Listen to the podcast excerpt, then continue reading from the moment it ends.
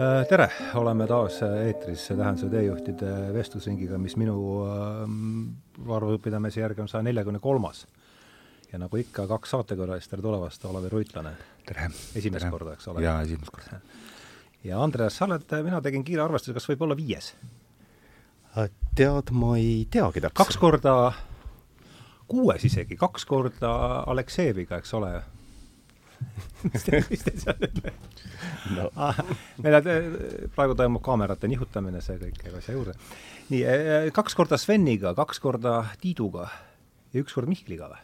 võib-olla, kas jah, ma jätan midagi vahele jätnud või? ei ole vist. tead, ma ei mäleta ka täpselt. viies-kuues kord vahet, jah, et just, just, just, et igatahes siin me nüüd oleme ja ja saate töö pealkiri on Exceli põhi.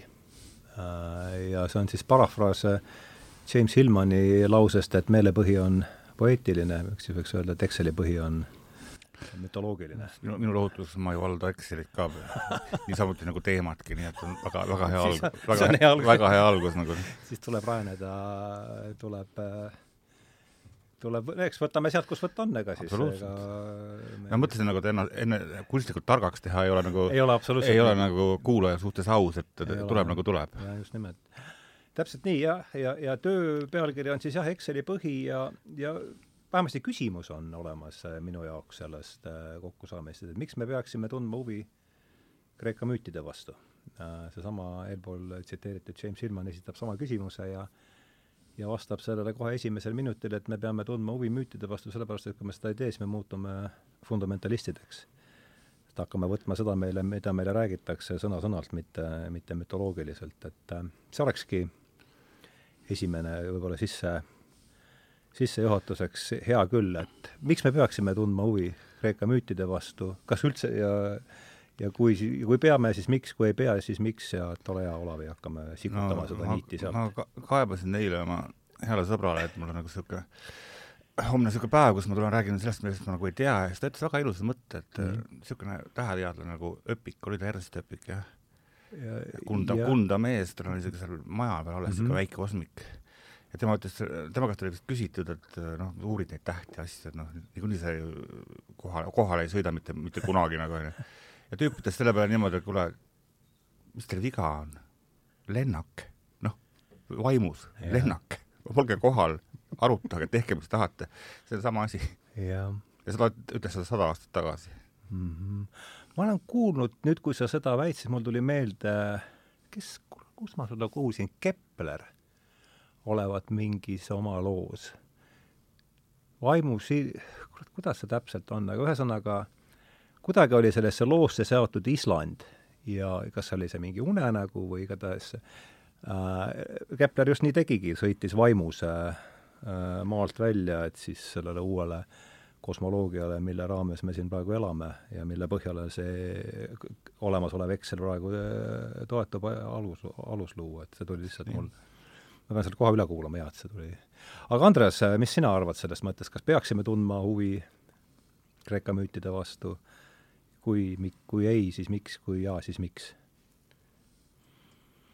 kuule, kas peaksime, ma ei, ma ei teagi, eks, mina tunnen, eks mm, -hmm. ja mina, ma kahtlemata ei, ei tunne ka teemat äh, läbi ja lõhki, aga mul on lapsepõlves oli kindlasti, olid Vana-Kreeka muistendid mm, -hmm. olid äh, vist kas koos Jules Verne'i Saladusliku saarega olid, oli mu lemmikraamat aga eelkõige vist seetõttu, et see on lihtsalt huvitav mm. -hmm. ta on, ta on huvitav lugemine ja ta on ja ta on natuke, tead, ta annab ruumi kujutlusvõimele hästi-hästi palju ja kujutlusvõime on, on minu jaoks ikkagi inimeseks olemise tuum tegelikult mm, -hmm. et see on võib-olla, tegelikult esimene, esimene vastus ongi, see on lihtsalt huvitav. ja, ja, ja kuna minu mälestused on see, kuidas ma muutsin ühe oma dinosauri Odüsseuseks ja teise Achilleuseks ja siis tead, seitsmeaastaselt vaiba peal pidasin nende vahel lahingut, siis, siis see, see on mulle kuidagi alati südamelähedaseks jäänud. ja teine põhjus on võib-olla täpselt see, mis sa ütled, on see, et et müüdid, nad pigem nagu kalduvad, kalduvad küsima küsimusi miks ja mis, äh, pigem kui kuidas mm. -hmm.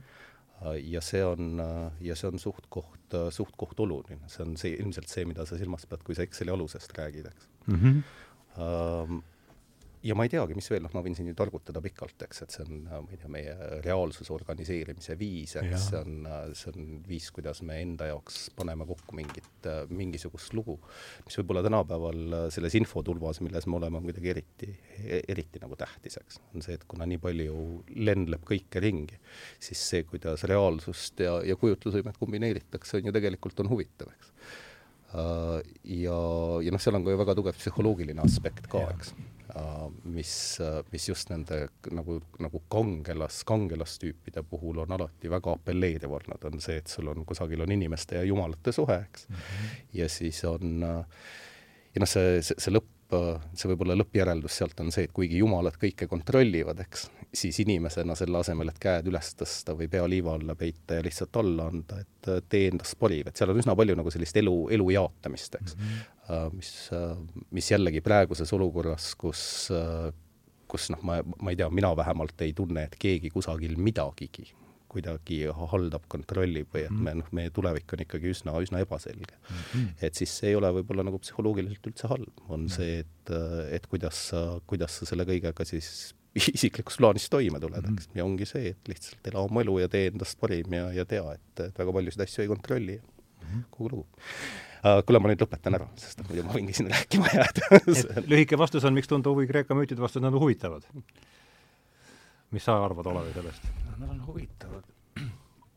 Neid jumalaid on nii palju ka ja seal on iga, iga inimtüüp ja igasugune iseloomumuster on seal esindatud, nii et nad on, nad on väga inimlikud, et noh, ja ongi naljakas vaadata, et et neil on iPhone, ma ei tea, mis numbrid on laua peal, aga, aga emotsionaalne areng on, emotsionaalselt on inimene jäänud samaks tegelikult, et noh, ikka on ohus, keegi, keegi paneb su naise üle ja ikka nagu mõte, kuidas sõjaväest ära pääseda ja mm -hmm. et need, need asjad, asjad on muutumatuks jäänud ja, ja, ja üleüldse selle äh, selle emotsionaalse asjaga on nagu niimoodi, et noh, et noh, ma olen, ma olen nagu hea näide.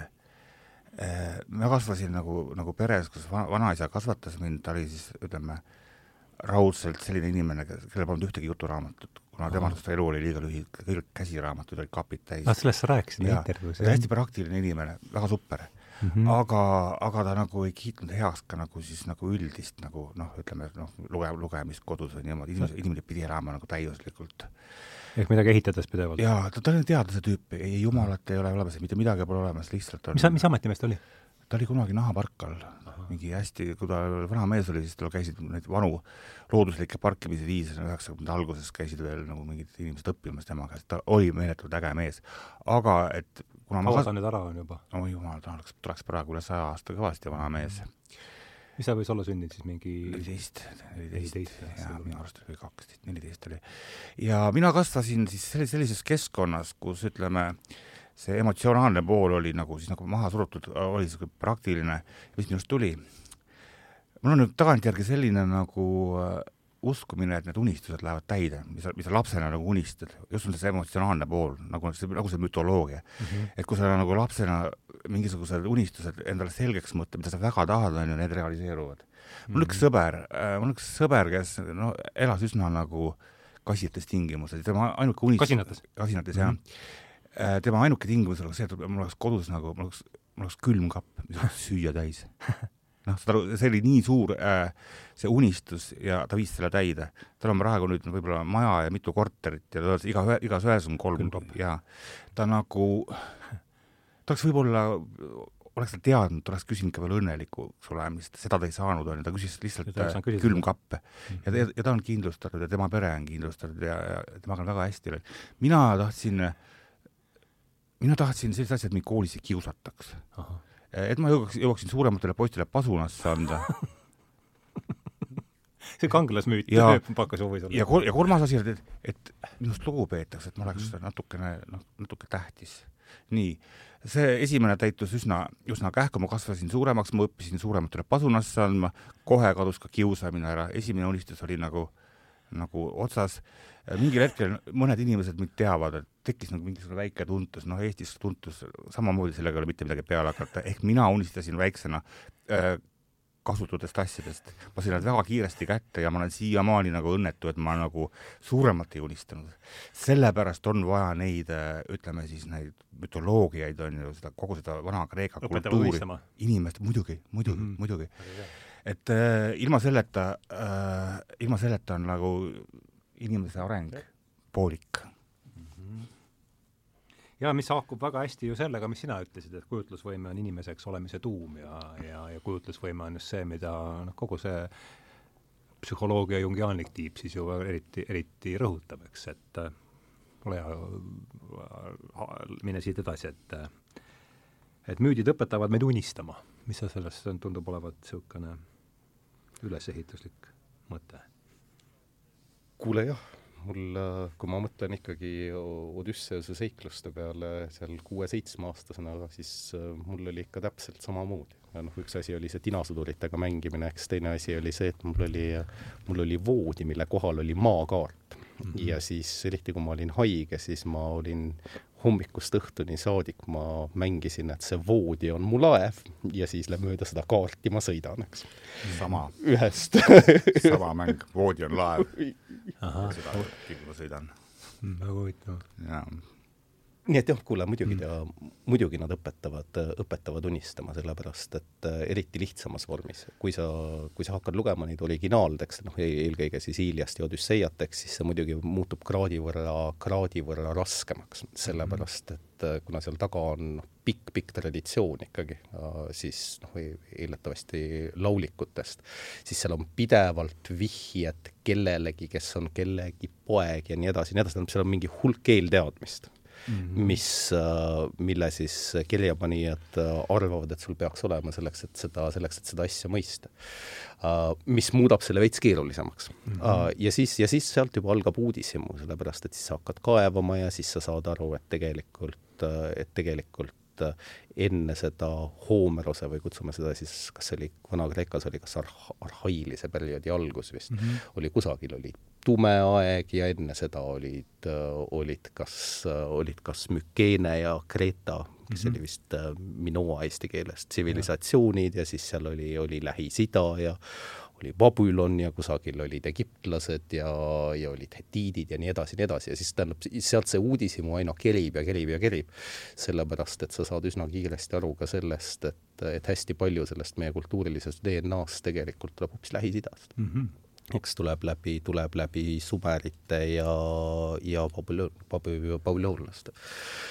Uh, nii et ta on, ta on tegelikult, ta on nagu põhjatu kaev ja see on see, mida ma olen nüüd, mille, mida ma olen nüüd avastanud ka, et tänu sellele, tänu sellele kursusele, mis me sinuga koos teeme, et kuna ma olen jälle üle väga pika aja natuke sügavamalt hakanud sellesse kaevama, siis uh, sellel ei olegi lõppu seal on ikka kaevata kõvasti. ei, seal on kaevata kõvasti ja, ja see on täpselt sama, nagu see, sama tunne on mul. mida me siin Netflixist rääkisime, eks, on see, et on see, et sa hakkad pihta ja ühel hetkel on kell neli hommikul ja sa saad aru, et, et sa ei ole, et sa ei ole aastast kaks tuhat seitsesada meie aega palju kaugemale jõudnud, nii et ja muidugi, kuule, kahtlemata, kuna seal ei ole, seal ei ole selgust, eks, selles kõiges, seal on hästi-hästi palju ikkagi, ikkagi teadmatut, mis on, mis on ka ajaloolaste poolt puhas noh, ikka, ikkagi spekulatsioon, informeeritud spekulatsioon, eks, kes seal, kes seal tegeleb õietolmu DNA, DNA testimise ja kes millegi muuga, eks, aga seal on ruumi sellele samale kujutlusvõimele on meeletult -hmm. palju et ta kahtlemata ei ole, ei ole see, mis juhtus maailmas kahekümne, ma ei tea, teisel jaanuaril kaks tuhat kakskümmend kaks, eks, mhm. jah. Kujutlus, kuidas ei oskagi võta palun, püüa kinni palun pall nimega kujutlusvõime ja purga, purgata sellega natukene Lähen nüüd mälus nagu mingi nelikümmend, nelikümmend aastat tagasi kuskile, siis mul meil ajalooõpetaja nagu mingis ajalooraamatus või õpetaja väide, et no mingid spartalased olid niisugused väga askeetlikud, onju. Et nad olid nagu põhimõtteliselt nagu niisugused, magasid mingite kottide peal ja kogu asi läks nagu sõjapidamisele, null emotsiooni, onju. no kus nad nüüd on? ja kreeklased, kes siis nagu lubasid endale nii meelelist kui füüsilist kui igasugust nagu ütleme siis äh, meelelahutust kaasa arvatud kujut-, kujutlemine mm, -hmm. on täiesti alles, Kreeka on mu lemmikreisikoht üleüldse nagu nagu Euroopas, et ma olen seal käinud kas viis või kuus korda järjest ja, ja kui mul valida kas Itaalia või Hispaania, ma võtan Kreeka, sellepärast et nad on maakad, nad on niisugused mõnusad maakad, nad on soojad, nad on kuidagi nagu noh, hästi armsad. me käime täpselt niimoodi, et me käime läheme, läheme turist, käisime Kreetal viimati, võtsime selle rendiauto ja sõitsime sinna, kus kohalikud inimesed söövad, läksime ühte kohta sisse, polnud ühtegi silti üleval, et, et see on mingisugune söögikoht. mis aasta see oli nüüd? see oli viimane suvi, et meil oli uh, -huh. siin oli kolmkümmend kaks kraadi sooja ja, ja, ja seal oli kolmkümmend neli kaks lisakraadi läks mulle üsna, üsna palju maksma, aga, aga aga see, et sõita, sõita mingi Fiat Pandaga kuskil Mäkke kakskümmend kilomeetrit ja vaadata, kus õue peal on need ahjud, millega nad süüa teevad, onju. või siis maandusime mingisse söögikohta, kus pole ühtegi silti, mingid vanamehed söövad seal, et vaatasid mind suurte ilma, no mis te tahate, kas siin süüa saab? jah, saab küll, siis tuli üks inglise keele rääkija sinna, onju kas teil menüüd on, ei menüüd ei ole, aga tulge kööki, vaadake, mis meil on. Läksime kööki, tõsteti potid pealt ära nagu ja, ja me sõime täpselt seda sööki, mida nemad söövad ja neil oli nii head, meie, mingi turist nagu tuleb päris nende koju sööma. no nad on nauditavad lihtsalt, mul ei ole ühtegi halba kogemust sealt mm. -hmm. et nad on, nad on kujutanud ennast äh, äh, siiamaani välja kujutavad, et Euroopa Liidu mis see on, toiduohutuse kontorit pole olemas? no mis see väike nüanss, see kõik on mööduv, see kõik, see kõik möödub, onju. ma arvan, et seal keegi väga nagu, nagu ei ole, nina nurgu ei lase, et nad on, nad on väga chill'id. -hmm. jaa, aga palju sul no ma olen samas sundviskes nagu Andreas, et ma, peaksin selle Homerose nüüd ikkagi läbi lugema, ma olen sellega alustanud, ega ta ei lähe lihtsalt tegelikult, sina oled ta korra läbi lugenud kunagi, eks ole. kuidas sul äh, nüüd teist korda, kuidas sul see teist korda läheb, ma ütlen, mina olen alles seal, kus Telemachos läheb, Telemachos läheb teele, eks, isa jälgi otsima, mis on vist kolma, teine, esimene, teine peatükk on mul nüüd läbi et räägi, kuidas sul teisel korral, kuidas sa selle eksameetriga harjusid ja, ja, ja kuidas, kuidas see lugemine läks üldse? kuule, üsna lihtsalt, kui jah, üsna, üsna lihtsalt. ma ei, ma ei teesklegi, et ma sain alati kõigest aru või kõikidest viidetest aru mm, -hmm. aga kuna see lugu ikkagi üldjoontes on on noh, lihtsalt juba lapsepõlvest, eks selge, siis, äh, siis üsna rütmiliselt ja üsna kiiresti ja mida rohkem sa loed, seda mm,, seda läheb, ladusamaks ta läheb. aga see on jah, on huvitav, on see kogu see, kogu see, kogu see heksameetri teema on noh, ma, ma, ma näen, kuidas ta siis ka nagu individuaalsest nagu värsist liigub edasi loo terviku juurde, et kui sa vaatad seda, kui sa vaatad Äh, neid raamatuid, mis kirjeldavad siis Odüsseuse enda seiklusi, mis on, ma peast ei mäletagi, kas oli üheksas kuni kaheteistkümnes raamat või noh, lühidalt see, kus ta on kuninga õukonnas, ehk siis mm -hmm. Vajakide kuninga õukonnas ja ja siis kirjeldab kõike seda, mis temaga on juhtunud. et seal on see lugu ise on jagatud samamoodi ja natuke nagu, natuke nagu heksameetergi, et sul on ja, lühike, lühike, pikk, eks, lühike, lühike, pikk, siis on pikem reis allmaailma, siis on jälle lühike, lühike, pikk, et ta on, ta on, ta ei ole minu jaoks väga, väga, väga raske lugemine ja ta on, ja ta on, ta on huvitav, ta tegelikult ta lihtsalt ongi huvitav. Ja seal ei ole üks lugu, seal on, seal on mitu lugu, seal on sellesama Telemachose lugu, eks, ja tema tegelikult nagu kasvamisprotsess, eks. seal on siis Odüsseuse enda lugu, seal on tema majapidamise ja ta naise lugu. ja see on, noh, siin me oleme võib-olla jälle nagu natuke sellise identiteedi eneseleidmise ja psühholoogia juures tagasi, aga kusagil, kusagil ma, ma tsiteerisin seda ka vist eelmisel nädalal, kui me, kui me sinuga koos olime, et seal on, seal on tegelikult, see on tegelikult lugu ju mehest, kellelt on ära võetud mm -hmm, kõik see, mis teda vähegi identifitseeris, eks. Äh, ja see oli, see tsitaat ise oli väga-väga ilus, minu meelest see oli kas üks inglise kirjanik, kes ütles, et et, et Odüsseus on siis mees, kes on eemal oma naisest, ta on isa, kes ei ole näinud seda, kuidas ta poeg üles kasvab, ta on sõdalane, kelle sõda on läbi ta on kuningas, kelle kuningriik on kaugel, ta on juht, kelle kõik mehed saavad surma, ta on abielurikkuja, kes on jumalannade mängukann ja siis viimaseks ta on veel poeg, kelle ema sureb, sureb seetõttu, sureb lihtsalt masendusse seetõttu, et ta arvab, et ta on surnud, et ta on tegelikult ikkagi, see on tõesti lugu inimesest, kelle, kelle kõik teda eelnevalt defineeriv on lihtsalt ära võetud. kaardimaja on täitsa korralikult kokku kukkunud. just. ja mõni ime siis, et tüüpiline stseen on see, kus, kus sul on napilt riietatud või üldse mitte riietatud Odüsseus, kes jälle jõuab mingisugusele kaldale ja hakkab ringi vaatama, mis seal toimub. noh, tavaliselt, tavaliselt alustab sellega, et hakkab kohe valetama, eks, sellepärast et ta ei ole, ta ei ole nagu klassikaline kangelane et ta ei ole, ta ei ole selline nagu tead, tugev, noh, ta ei ole Achilleus, eks, ütleme niimoodi, et ta ei ole, ta ei ole defineeritud läbi füüsilise jõu või noh, ta ei taha suurtele poistele peksa anda tingimata, eks. ta isegi ta on ikka nupu, ta on ikka nupu, väikest viisi nupumees või? ta on nupumees, jah. ta on rõõk on ikka kuidagi nagu vaata, esiteks see, see saar ei ole väga suur vist, praegu ma vaatasin järgi, praegu selle ajal elab seal saare peal Itaka peal jaa, mingi kolm, kolm tuhat inimest, et ta, ta ei olnud ka väga suur kuningas nagu onju. Mhm. ja see on nagu naljakas, et ma nii palju kui kätte sain, vaatasin, et ta nagu ei tahtnud sõjaväkke minna, ta üritas nagu sõjaväest kõr kõrvale panna, mängis lolli lihtsalt, nagu külvas soola. see on järeleproovitud strateegia no, no tänapäeval, mida, mida noored, noored üritavad teha, lõpuks tuli ikka sõjaväkke minna nagu onju siis, siis ta nagu onju, no lõpuks, lõpuks onju noh, segane peast tegi selle kuradi hobuse valmis, lasi selle kuradi troojlased õhku, eks ole, onju. niimoodi, noh, siis kuidagi nagu sõda sai läbi, midagi teha ei oska, no täpselt niimoodi, noh, ma mõtlen nagu enda järgi niimoodi, okei okay,, lapsepõlves on mingisugune turvatunne olemas, onju, ütleme siis mingisugune siis on see nagu nooruse ego, mille pealt tehakse need Trooja hobused valmis, onju, lükatakse, tehakse ägedat mussi, tehakse mingeid no, meeletuid tegusid, onju, ja ühel hetkel, kui see maha rahuneb, onju, ongi persse, vabandust, vabandust, aga, aga, aga, mis see nüüd oli kõik? aga sõna ma, sõna otseses ongi, ongi niimoodi, sul ongi, eks sa avastad, sa ei tea mitte midagi, sa oled kuskile teel, kõik asi on tundmatu ja panedki lõpu, lõpuni välja eksirännakutele. noh, ja nii ongi noh. ja, ja, ja, ja ma tunnengi täpselt, et ma ei tea nagu, mis, mis otsused on mul nagu õiged või no väike laps vaatab mulle nagu jumalat, onju kes ma peaksin olema niimoodi, ah ma ise olen hirmu täis nagu Odysseus, eks ole mm. -hmm. täpselt samamoodi see on päris huvitav, kui seda rääkis, mul tuleb meelde üks äh, suvehommik äh,, igast tee viis Kärdlast tagasi ja mina olin selle ajani ainult Troja hobust äh, meisterdanud ma panin tal traate kodaratesse ja valtulesid igatepidi ja ja siis ma võtsin lahti Camus Sisyphose müüdi ja lugesin sealt esimesele, et vau, et on ainult üks filosoofiline küsimus, enesetapp, et väid-, vastata küsimusele, kas elu väärib elamise vaeva, tähendab vastata filosoofia küsimusele ja Troja hobune on hoopis teisejärguline. oli, see oli vau, siuk-, see, see oli üks niisugune raksatus, mis käis äh, ja ma olin siis, ma arvan, kusagil kolmekümnendate lõpus võib-olla et noh, see, see, kui sa seda rääkisid, mul tuli kohe see, see suvehommik meelde, aga palju sul, millal sa lugesid, oled sa ta läbi lugenud üldse, selle Annisse tõlke või? ma ei ole, ma, ma, ma olen takerdunud, ma mm -hmm. üritasin teda lapsepõlves väga läbi lugeda, aga noh, mul läksid kõik asjad tulid mul liiga vara ette.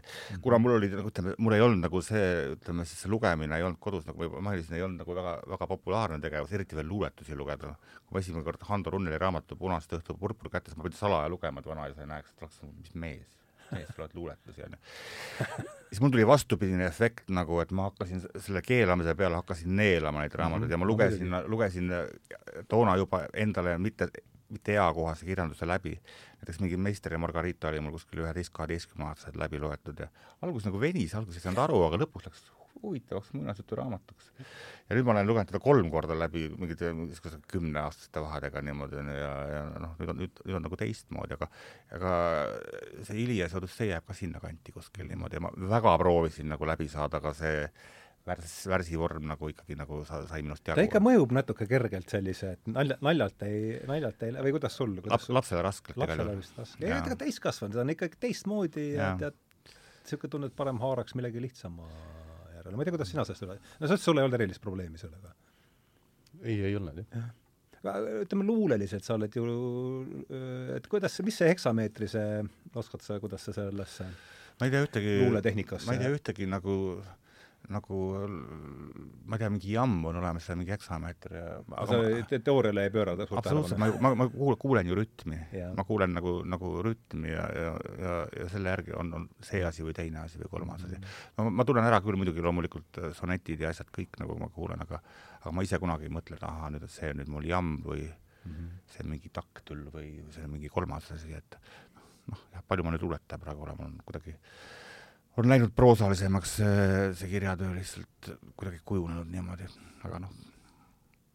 aga mis me üldse, mis me sellest eksameetrist üldse teame, et kui paar sõna lihtsalt kirja panna, mis mul on, minul on tõenäoliselt üks lause, et mingi luule, luuletamise viis, aga, aga, aga see on ka kõik, mis ma ta kohta, kohta no, oskan ütelda. eksameetrid on ka kirjutatud, Eesti luules on eksameetrid küll ja küll nagu et mida ta endast kujutab? kuidas sa, kuidas sa ütled inimesele, kes noh, ma, ma kujutan ette, ma olen nüüd äh, seda Odüsseiat lugenud, mingi, midagi tuleb siia taha, mingi mulje sellele sõnale, aga kuidas sa teda, keegi küsiks siin, et mis, mis, mis tuu on? ma ei vastaks, uuri, uuri järele, noh, sellepärast loe ise no,, jah, loe ise, sellepärast et noh, et ma kirjutan nagu kuidagi peast või, või nagu, nagu, nagu mul see rütm jooksma hakkab, nagu ma, ma kunagi ei mõtle, mis on mis mm. ma isegi ei tea nagu, mis, mul on mitu luuleraamatut, ma ei tea isegi, mis vormides nad on, noh okei okay,, on haikut, on mingeid muid asju, on taktulit vist, aga no ma, ma ei tea mm. -hmm. ma ei ole kunagi süüvinud sellesse, see ei annaks mulle nagu mitte midagi. see annab kriitikutele? ma arvan, et äh, minusugusel oleks, ütleme siis võib-olla filoloogiline haridus natukene, natukene nagu liiga teinud. et ma oleks võib-olla surutud mingit, mingisugusesse teaduslikesse raamidesse või niimoodi, et kuidagi nagu mulle meeldib vabalt, nagu vahepeal nagu vahepeal nagu üritan lõhkuda üldse igasuguseid tabusid nagu, et ja kirjutada midagi sellist, mis nagu vist ei lähe mitte millegi alla, aga, aga kuna, kui mul, kui mul on niimoodi huvitav, siis miks mitte.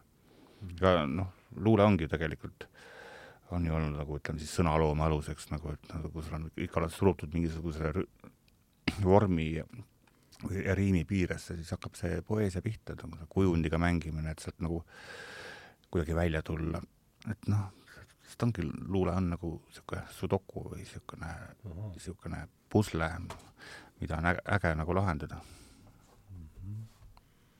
Sudoku, päris huvitav. kas sina oled, Andres, te, oled sa ka äh, mingeid luuletustega kunagi katsetanud uh,? olen jah, olen uh,, aga kindlasti mitte noh, erinevatel põhjustel aga mitte mitte üldse distsiplineeritult, eks, lihtsalt mm, -hmm. lihtsalt äh, mingil, mingil eluperioodidel tänu sellele, et tead, lihtsalt vaim tuli peale ja eesti-inglise keeles äh,? kusjuures huvitaval kombel eesti keeles pigem mm -hmm. kui, pigem kui inglise keeles, sest et tõenäoliselt äh, tõenäoliselt mu inglise keel on parem kui mu eesti keel, aga huvitaval kombel ma ei ole mitte kunagi proovinud, proovinud seda teha inglise keeles, ma ei teagi, miks mulle mm., mulle, mulle meeldib eesti keel, ma arvan, et ta on paindlikum, ma arvan, et temaga saab rohkem mängida uh,. aga kindlasti ma ei ole kirjutanud, kindlasti ma ei ole kirjutanud heksameetrit et ta on uh, ega, e-, e-, ega ma ka ei ole tegelikult, ma ei ole ju, ma ei ole ju mingi ekspert sellel teemal, eks, aga ma saan aru, et ta on siis nagu kuuest osast koosnev värsi, ma ei teagi, mis see eestikeelne, lühidalt on nagu kuuest osast koosnev värss, kus vist tavaliselt ja sellega saab mängida, on sul selline lühike, lühike pikk, eks, tum-tum-tuum mm -hmm. ja ta on, ja ta on noh, Homerose puhul, eks tuleb ka silmas pidada seda, et see oli ikkagi kogu see kogu see kultuur seal oli, oli suuline suuresti. mistõttu, mistõttu see kõik oli mõeldud ettekandmiseks mm. -hmm. Uh, kuigi vaadates seda, et kas Odüsseias on kas kaksteist tuhat millegagi rida, eks siis see nõuab üsna, siis see nõuab ikkagi üsna, üsna, üsna tugevat ja mälu uh,. aga ta on peaaegu et hüpnootiline mm, -hmm. sellepärast et ma kuulasin, ma kuulasin uh, paar nädalat tagasi, ma kuulasin ka seda, selle esitust nii-öelda noh, mitte originaalis, eks, aga aga siis kreeka keeles ja see oli ja, ja ta on hüpnootiline. ta tõesti, ta on, ta võtab, ta võtab kuulaja endaga kaasa ja isegi kui sa ei saa aru sellest, mida seal deklameeritakse, siis sa sellesse rütmi ikkagi langed. ja jah, kuule, siin on selle asja uurimisel on, on tegelikult, kas oli issand, mul ei tule selle, selle selli nimi meelde, kas see oli Milman Parry või keegi, kes uuris seda kahekümnendatel ja kolmekümnendatel ja läks Serbiasse, kus seesama lauliku kultuur oli endiselt alles ja ta seal ikka leidis kellegi, kes oli suuteline, suuteline deklameerima peast tunde, tunde, tunde ja tunde. et see on võib-olla, et see on võib-olla jah, see, mida tasub seal silmas pidada, on see, et kogu see, tähendab see eepiline kultuur ise jälle, nii palju, kui ma selle kohta lihtsalt lugenud olen, et Homeros, noh, tavaliselt on Homeros ja, ja siis ta ka enam-vähem samal ajal elanud kas Hesioodos vist kes, kes noh, üks on kirjutanud siis Odüsseia ja Iliase ja teine on, ja teine on kirjutanud, mis ta oligi, Telegoonia või? Teogoonia. See oli jah. ja, ja siis oli jällegi eesti keeles kas tööd ja päevad midagi sellist, mis oli nagu, mis oli palju praktilisem. et, et stiil on sama, eks, sisu on hoopis teistsugune, aga üldiselt arvatakse, et nad kindlasti ei olnud ainsad, eks, et see eepiline kultuur oli palju-palju pikem, eks mm. -hmm. ja lihtsalt ülejäänud asjad ei ole, ei ole meieni jõudnud, eks ja see on ka see, mis teeb selle kõik huvitavaks, on see, et seal on, et see on ikkagi kokku pandud ilmselt erinevatest lugudest, eks noh, siin endiselt vaieldakse selle üle, kas Homeris oli üldse olemas või mitte, eks. ja kas ta noh, natuke nagu Shakespeare'iga, eks, kas ta oli mitu inimest, kas ta oli, kas ta oli üks inimene. Ja noh, lõppkokkuvõttes, mis, mis nagu vahet seal on, eks.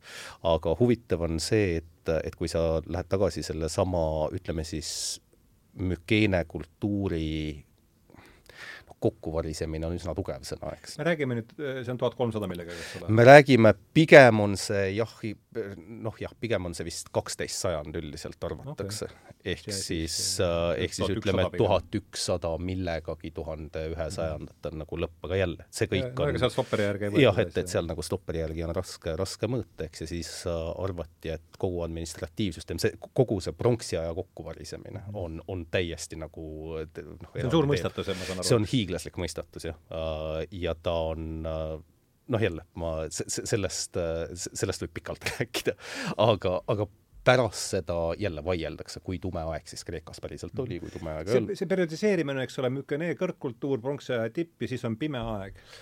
ja siis tuleb sealt pimedast ajast hakkab juba Homeros paistma ja siis läheb, eks ole, kuni Ateenani välja, sealtkaudu Aleksandrini ja siis Rooma või võib vist, või paneksid sa sinna veel mingid vahepeatused vahele või? Kuule, kui ma nüüd niimoodi, noh, ma muidugi, ma muidugi läheks ma panin ka siit niimoodi no ütle, ütleme niimoodi, et sul on et sul on, see langeb pronksi ja raua ja ülemineku vahele, eks enam-vähem, et arvatakse jah no, ma... jah, vähemalt see, millest ta kirjutab. see tume aeg Homeros tuleb selle, või pimeda aja lõpul tuleb Homeros vaikselt. just, et tume aeg või pime aeg jällegi, noh, täpselt dateerida on, on keeruline, aga üldiselt arvatakse, et see on kas kusagil seal tuhat ükssada viiskümmend kuni circa kaheksasada, seitsesada viiskümmend. ehk siis lähim paralleel meile tõenäoliselt on see Rooma impeeriumi, Rooma impeeriumi lõpp ja see, kui tuleb, eks siit meie hiljutisest minevikust, ma kujutan ette, või?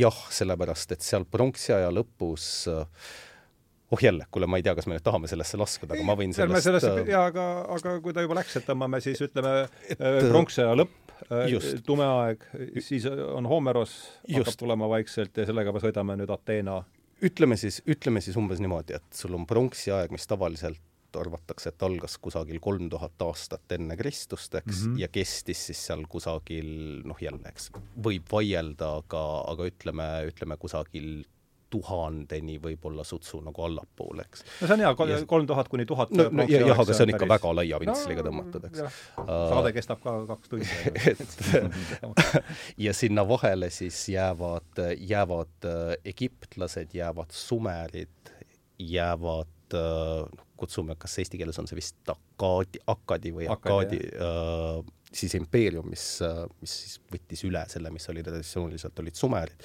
siis babüloonlased, assüürlased ja siis oli, Kreekas oli noh, tsivilisatsioone nii-öelda oli mitu, aga oli, oli Mükeene tsivilisatsioon oli Min-, Minoa, ma loodan, et ma ütlen seda õigesti, aga selline nagu Kreeka, Kreeka tsivilisatsioon. Homerose oli... me paneme kuhu sajandisse, mingi Homerose, kui me paneme selle, selle aja, mis ta kirjutas, arvatakse, et see on kaheksas sajand enne meie, nii et seitsesada viiskümmend kuni seitsesada kakskümmend viis. Mhm. ja siis ja sealt on ainult kaks sajandit, kaks ja pool sajandit Platonini, eks saja, oi, kindlasti mitte sajandit. vabandust, siiski sajandit, mitte vabandust, ma mõtlesin, et sa rääkisid aastatuhandetest. ja siis sul on jah, see mükeene kultuur no, oli siis ütleme, kas tuhat seitsesada kuni tuhat, jah, ütleme tuhat kakssada, tuhat ükssada, siis pime ajastu, mis kestis kuni ütleme enam-vähem Homeruse ajani. Uh, aga noh, seda kõike ma ütlen hästi suure kvalifikatsiooniga, eks, et ma, ma sellel teemal vaieldakse nii palju, et ma kindlasti siin ei pretendeeri mingile tõele, siis algas arhailine periood, mis oli, algas Hoomerusega enam-vähem ja siis me sealt jõudsime lõpuks Kreeka nii-öelda nagu klassikalisesse perioodi, eks, mis on siis, mis on siis ütleme seal kusagilt circa, circa viiesaja juures mm. -hmm. ja see, millest Hoomeros kirjutab jälle, äh, noh, tead, hulk tarku inimesi, eks, kes arvab, et ta kirjutab enda ajastust, kes arvab, et ta kirjutab pimedast ajastust, kes arvab, et ta, ta võtab Mükeenest, eks, kes arvab, et ta seob sinna sisse veel tead, tead noh, Gilgameshi ja kõike muud, mis on selgelt, eks need asjad on seotud omavahel.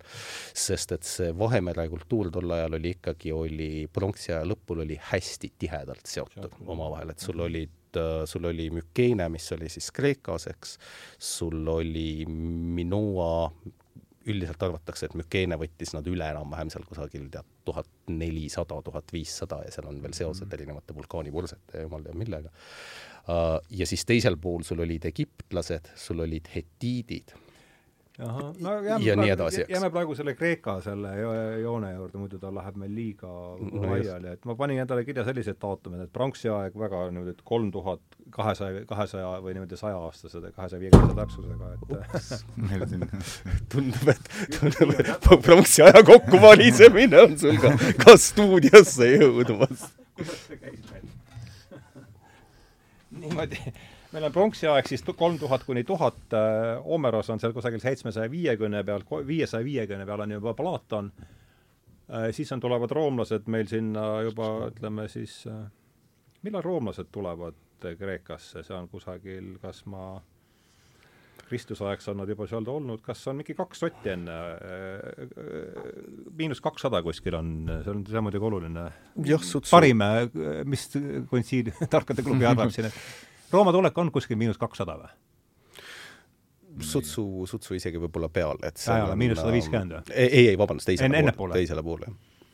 aga paneme Rooma on siis miinus sa oled ikka väga suure pintsliga jah, selle ette no aga midagi ei ole, no et üldse saada mille, selle millelegi pihta, tuleb ikka kusagilt vaadata ja välja suumida. minu meetod on selline vähemasti, meetod mm -hmm. teistel on võib-olla teistsugune. aga küsiks vahele, et Olavi on nüüd tükk aega olnud siin äh, oma, ma saan aru, et Kreekas mulle meeldib käia. ja kas on äh, Lähen tagasi, lähen tagasi, mul on piletid juba olemas, lähen aga Kreeka, Omerosega seal niimoodi kohalikes Kreeka, on seal äh, märke maa, mis kohalikud arvavad, elas oli olemas või mitte? kuidas kohalikud teda kohalikud lambad arvavad mägedest tee peal ronida, kits, kitsed, et otsa ei sõida. kohalikud arvavad, et see on nagu et ei ole vaja igale poole teepiireid panna, et selle, iga inimene teab, et seal taga on kuristik nagu ja ja kohalik ei mõtle vist nagu üldse nagu, nad ikka tšillivad edasi, ma arvan niimoodi, nad, neil on ikka see, see vana vibe sees nagu tume aeg kestab edasi. tume aeg kestab edasi nagu, et nad väga, väga, väga jah ei, ei muretse see, kas, kas mis Euroopa Liidu või mis see, mis see pangandus, palju, palju neid nagu siis torgib nagu, et lihtsalt nad on nagu kuidagi noh, samas ma käisin praegu Egiptuses, ma tulin, tulin Egiptust, aga mulle öeldi Egiptuse kohta, et nad väga-väga-väga-väga-väga nagu raske rahvas on, eks ole, kaupleja, närvidele käivad, on ju, et valetavad ja varastavad. ma olen, ükskõik kus ma olen käinud, ma ei ole veel näinud lolle inimesi ja halbu inimesi. ma käisin Egiptuses, ma avastasin, et need on ka lahedad tüübid, ma käisin kuskil Hugarda turu peal, on ju, täielik kaif, noh, inimesed suhtlevad, ma, ma ei tea, kas nad siin õnnelikud oleksid, kui, kui siin meil on niisugune kaamus väljas, aga, aga, aga seal on nad kuidagi nagu väga-väga nagu valjuhäälsed ja lõbusad ja suhtlevad ja keegi ei tüüta, mul on paksud kulmud ka sellised nagu, et nad kardavad mind, kui ma vaatan oma kulmudega neile otsa, siis nad ei, ei tüüta, ma arvan, et igale poole elavad lahedad inimesed, mul hakkab tunduma, mul hakkab niisugune kahtlus tulema, et igale poole elavad ägedad inimesed. sinu jutust jääb mulje, nagu oleks seal äh, Egiptuses pensionipaanika tagasi või? ei, ma võtsin seal, võtsin nagu, lõpuks ma ei leidnudki nagu inimest, kes mul nagu tähendab, kes suutnud, suutuks nagu närvidele käia mingi kaubanduses, ma võtsin ühe kaupmehe, tegin inimkatse, lasin ennast sisse imeda, ta tõmbas mind juba lauale, pakkus mingit punased, punast teed, ma ei tea, kas see oli hibiskus, ta ütles, see on kohalik nagu äh, kohalik nagu tähendab äh, Jagra ja, ja my friend, my friend, käisid siuksed jutud onju. ma läksin sisse ma hakkasin need juhed kokku ajama ja ma ta kahekümne minutiga niimoodi juhtme kokku nagu onju. et ta lõi selle nagu ühesõnaga sahtli kinni, tõusis püsti, hakkas oma asju tegema seal niimoodi ja ma siis viisakalt jätsin nagu, nagu, nagu, nagu head aega, läksin minema ja mul hakkas pärast südametunnistus piinama, et kurat, selleks ma ei tulnud inimesi narrida lihtsalt, onju. ja ma tahtsin seda tulemasinat tegelikult, onju, mingisugune elektri pealt laetuv, onju. aga ma tegin samal ajal, tegin Üpsiloni artiklit sellest niimoodi ja siis ma jõudsin artikliga õigesse kohta, siis läksin tagasi, leppisin mehega ära, ostsin tema käest selle tulemasina pluss veel sodi lapsele mingisugust niimoodi. ja siis me saime suurteks sõpradeks jälle muidugi niimoodi, et noh, olukord nagu lahenes ja ma väljusin nagu inimesena, kes ei teinud ka, ei olnud selle kellelegi haiget tegema. aga et noh, see on müüt nagu tähendab, et nende närvid, närv on nagu katkematu või kakskümmend minutit ja tal oli juhe niimoodi koos, et ta noh, lõi selle tulemasina sahtli paua kinni, hüppas püsti. on võimalik? no jaa, ta ei saanud mulle kallale ka tulla, sellepärast et ta oli seal mingisuguse hotellikompleksi küljes, kui ta oleks turisti rünnanud, siis ta oleks tulnud tal pood kinni panna vist. aga, aga me leppisime pärast ära ja, ja lahkusime sõpradega, mul on tema telefoninumber, ta kutsus, kutsus mind järgmine kord, järgmine kord, kui ma siia saabun, kutsus külla ja lubas mulle tutvustada Egiptuse naisi oh pean vist ilma oma prouata minema siis. Aga tuleme Kre-, tuleme Kreekasse tagasi, muidu mul läheb liiga laiali see asi. kui sa kõnnid seal Kreekas ringi ja sõidad ringi, kas sa tunned kusagil, et on olemas niisugune mütoloogiline, kas see, mis pinna all toimub, annab ennast äh, märku natuke, on, on sul tunne, et kuidagi on, et sa viibid mingisuguses no teistsuguses kohas ja kui siis, et mis sulle sellest märku annab seal? see maastik on juba minu jaoks nagu, minu jaoks juba müstiline. räägi sellest palun. seal on mingisugused turismiobjektid, kuhu sa ei saagi nagu minna ilma, et jalgu ära ei murraks, nagu on, seal peab, tuleb, tuleb ronida lihtsalt, tuleb kõndida jõgedest läbi, mööda kive minna, kuskil mingid koopad, me käisime mingis Seusi koopas, vaatamas, need stalahiidid on, mis üleval kukuvad ja alt tulevad niimoodi, no need, need on, need on siit, siit tulnud inimese jaoks müstilised. muljetavaldavad. muidugi, muidugi ja need mäed, noh, minu lemmikud on need mäed nagu kuhu saab autoga üles sõita, ise, ise ma ronida ei viitsiks nagu ja ma ei tea, ma lähen nüüd äh, tagasi vist, vist äh, aprillikuus, lähen Samosele nüüd seekord. et siis ma võtan nagu vist äh, kohe puhkuselt, ma lugusid ei kirjuta sealt, ma võtan vist, võtan mingi korraliku Kreeka vanamehe ja lähen temaga kalale näiteks. oh kui mõnus ja noh, noh, kui, kui keegi siia tuleb, ma, ma ei vaata nagu mingit siia tulnud inimest niimoodi, et oo, kui lahe, et sa siin oled, onju. aga iga vanamees, ham-, ham-, Kreeka vanamehed nagu, need pärinevad küll sealt tume ajast kõik. Need vaatavad selle suure näoga otsa, hambaid pole ees, onju, teevad su lapsele, lapsele kluti-kluti, onju. Nad on nii õnnelikud, et sa sinna nagu, seal nagu oled või. me olime, eelmine suvi olime, olime mingisuguses kohas, ma ei mäleta enam, kõik sassis need kohad kus restorani omanik oskas äh, eesti keelt. ta õpetas meie naisperele kreeka tantse tantsima ja, ja, ja noh, suhtles nagu familiaarselt meiega. kui me ära läksime, siis tuli terve no me, me ei läinud mujale sööma, kuna see koht oli nii kvaliteetne ja terve hotelli meeskond, naiskond, kõik tulid meid ära saatma, meile toodi mingid õusod lauda, mingid asjad, noh noh, nii hoiavad nad äh, neid inimesi, kes noh, noh, nii külalislahked on nad või, et äh, kui sa seda mõned korrad ära nagu, ära nagu tunned, siis tahad tagasi minna, no ma olen itaallaste puhul, need on natukene kõrkust või, või midagi sellist, aga, aga need maakad seal tumeajast pärit on ju, need on nii sõbralikud. see, see, kuidas nad sind viskavad hotelli sisse äh,, kuidas nad jälgivad samal ajal, kuidas sa sööd, kaugel sa söögiga oled, on ju see tähelepanu ja hoolitsus inimesele on nii kütkestav, et noh mm -hmm., see on nagu magnet, tõmbab tagasi lihtsalt mm. -hmm. ja ma ei tea, ikkagi see unistamise kultuur, see, see mütoloogiline kultuur on sinnamaani viinud, et nad on, nad on sellised võib-olla räägi sa ka palun vahet, sa oled, minu, minu puut-, isiklik kokkupuude Kreekaga on, olen saanud jala maha küll, aga mul ei ole sealt väga äh, selliseid kogemusi nagu, nagu, nagu Olavel, ma seal korra käinud, et kuidas sul, sa oled seal tõenäoliselt tihti, tihemini käinud, et just seda, seda vahetut, kas sa tajud, et seal Herakles käis hiljuti seal just ringi? seal on hästi hea hõng, sellega ma olen nõus, et ma arvan ka, et kui, kui vaadata seda Vahemere-äärset piirkonda, siis ma ilmselt eelistan ka pigem, pigem Kreekat, kuigi jah, ega Itaalial ja Hispaanial ja Portugalil ka midagi, midagi viga ei ole, eks, et aga tõepoolest ma, ma, ma, ma olen käinud päris, päris mitmes kohas ja seal on, seal on hea hõng või noh, mis ma mis ma nagu oskan öelda, et kui sa lähed, kui sa lähed Kreetale, eks siis kindlasti tasub minna vaatama Knossose varemeid, eks, sest et see on seesama nii-öelda selle Minoa tsivilisatsioonist nagu, nagu siis mm -hmm. järele jäänud, järele jäänud osa.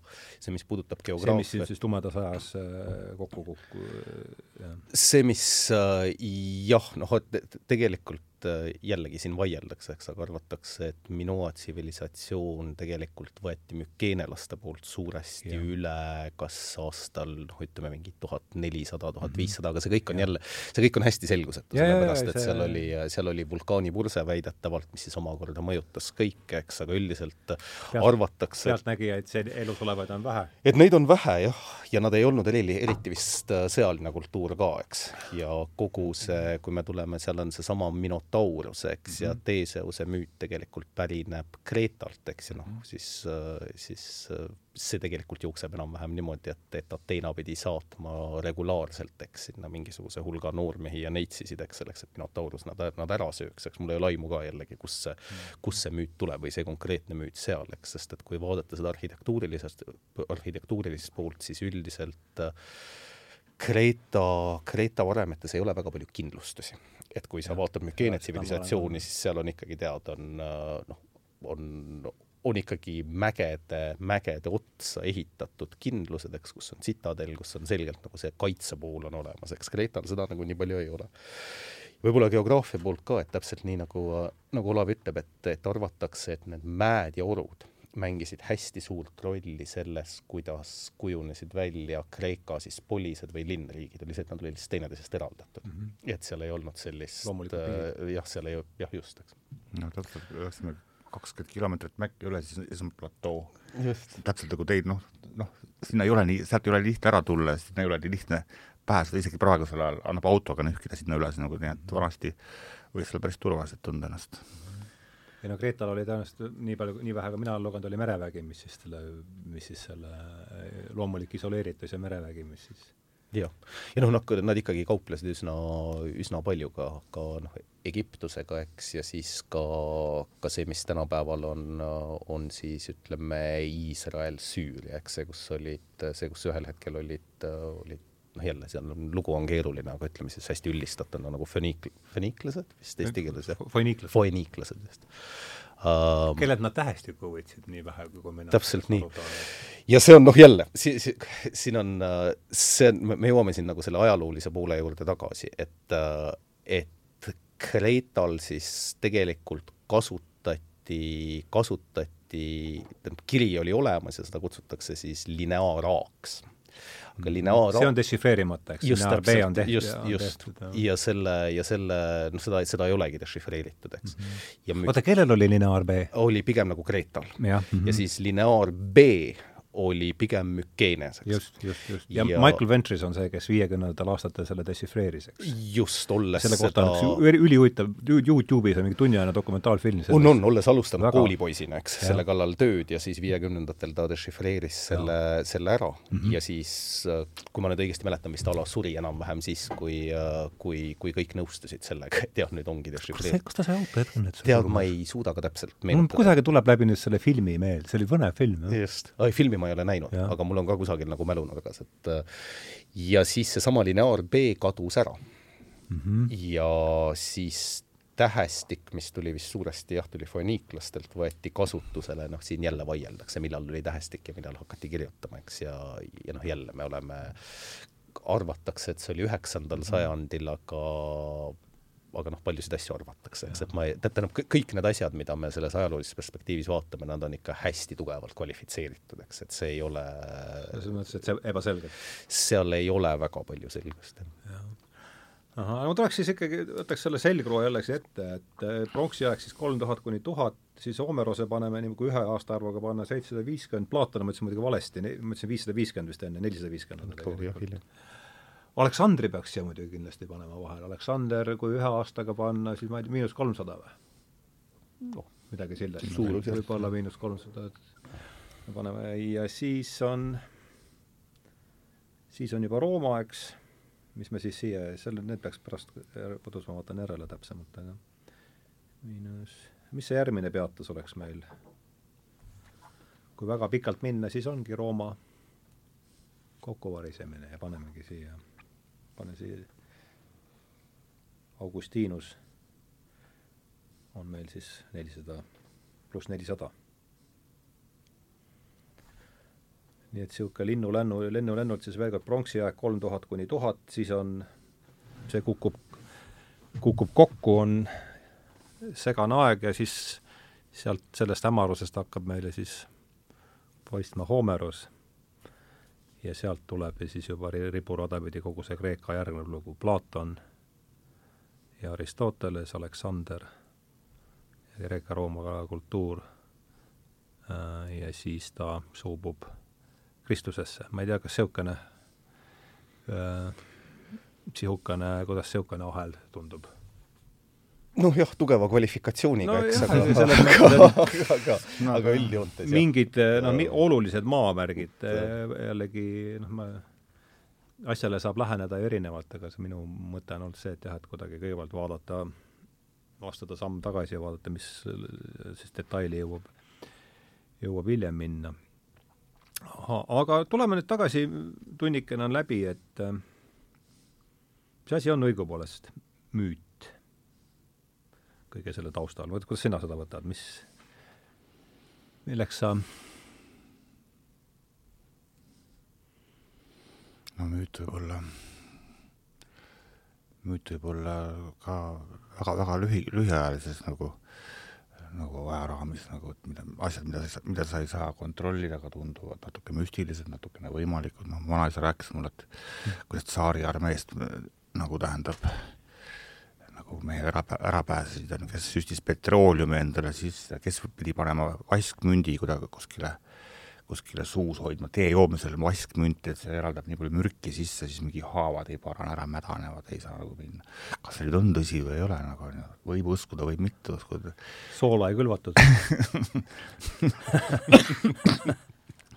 no ma arvan, et need selleks see nähti, see trikk nähti läbi. on igast asju külvatud, võib-olla sõr-, sõrmi ja ma ei tea mida, nagu et sõjaväest ära pääseda. Harju-Tüsses ju külvas soola, eks ole. see, see on ju ja. raamatus mängis lolli lihtsalt, et, et, et mitte sõjaväkke minna. ja see, see, see karakter on juba nii naljakas, nagu kuningas, riik on väike, noh, saar on nii väike, et nagu väga suur kuningas nagu ei saanud olla, kuningas ei taha sõjaväkke minna, noh Pole tema sõda, ma saan aru. Pole tema sõda eriti. nagu kui on sunnitud, siis teeb nagu mingisuguse peab selle sõja nagu ära kuidagi, kuidagi nagu ta teeb toreda hobuse, setoka teeb. Et on niisugune kuidagi väga inimlik on see kuningas nagu, et väga, väga, väga, väga tänapäeva inimese see põhi on, emotsionaalne põhi on väga, väga sarnane, sest see emotsionaalne areng ei ole, ei ole olnud nii noh, nii kolossaalne kui see tehniline areng, nagu ütleme, et no iPhone'e neil ei olnud ja, ja, ja ja lehepuhureid on ju, aga inimesed, no seal ongi nagu no,, tuleb, tulebki välja see, et inim, inimestena me ei ole liiga palju muutunud. mis on nagu, mis on nagu, nagu niisugune mõnus sild nagu mitu, mitust aastat tagasi nagu onju. ikka on ohus, et keegi, tuled koju ja keegi tahab su naist üle, üle võtta nagu onju et mitte midagi ei ole muutunud. noh. ütleb sulle, et meil on siin üks tore sõda, kuhu. jaa et äh, see on nagu, see on nagu niisugune armas kuidagi või mm.? mingi, mis sina arvad,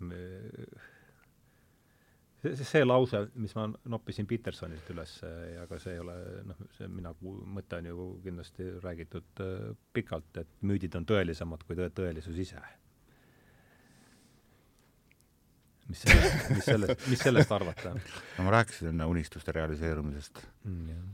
et, äh, et äh, kui neid unistusi nagu ei ole või, noh, siis äh, elu tuleb natukene tagasihoidlikum mm. et see võib, võib kehtida ka siis ütleme nagu nende müütide puhul nagu see, see, see, see, see, see on see nagu suurejooneline loo mõte, mõtteline, mis, millel on võime materialiseeruda, eks ole, siis kultuuri näol mingisuguse ja mingite asjade, mingite selliste nähtuste näol, et kui see silmaring on piiratud, eks ole, siis võib-olla võib-olla need tehnilised lahendused ei ole ka nii suurejoonelised ja, ja kui seal puudub see, see suur loov mõtlemine taga mm. -hmm.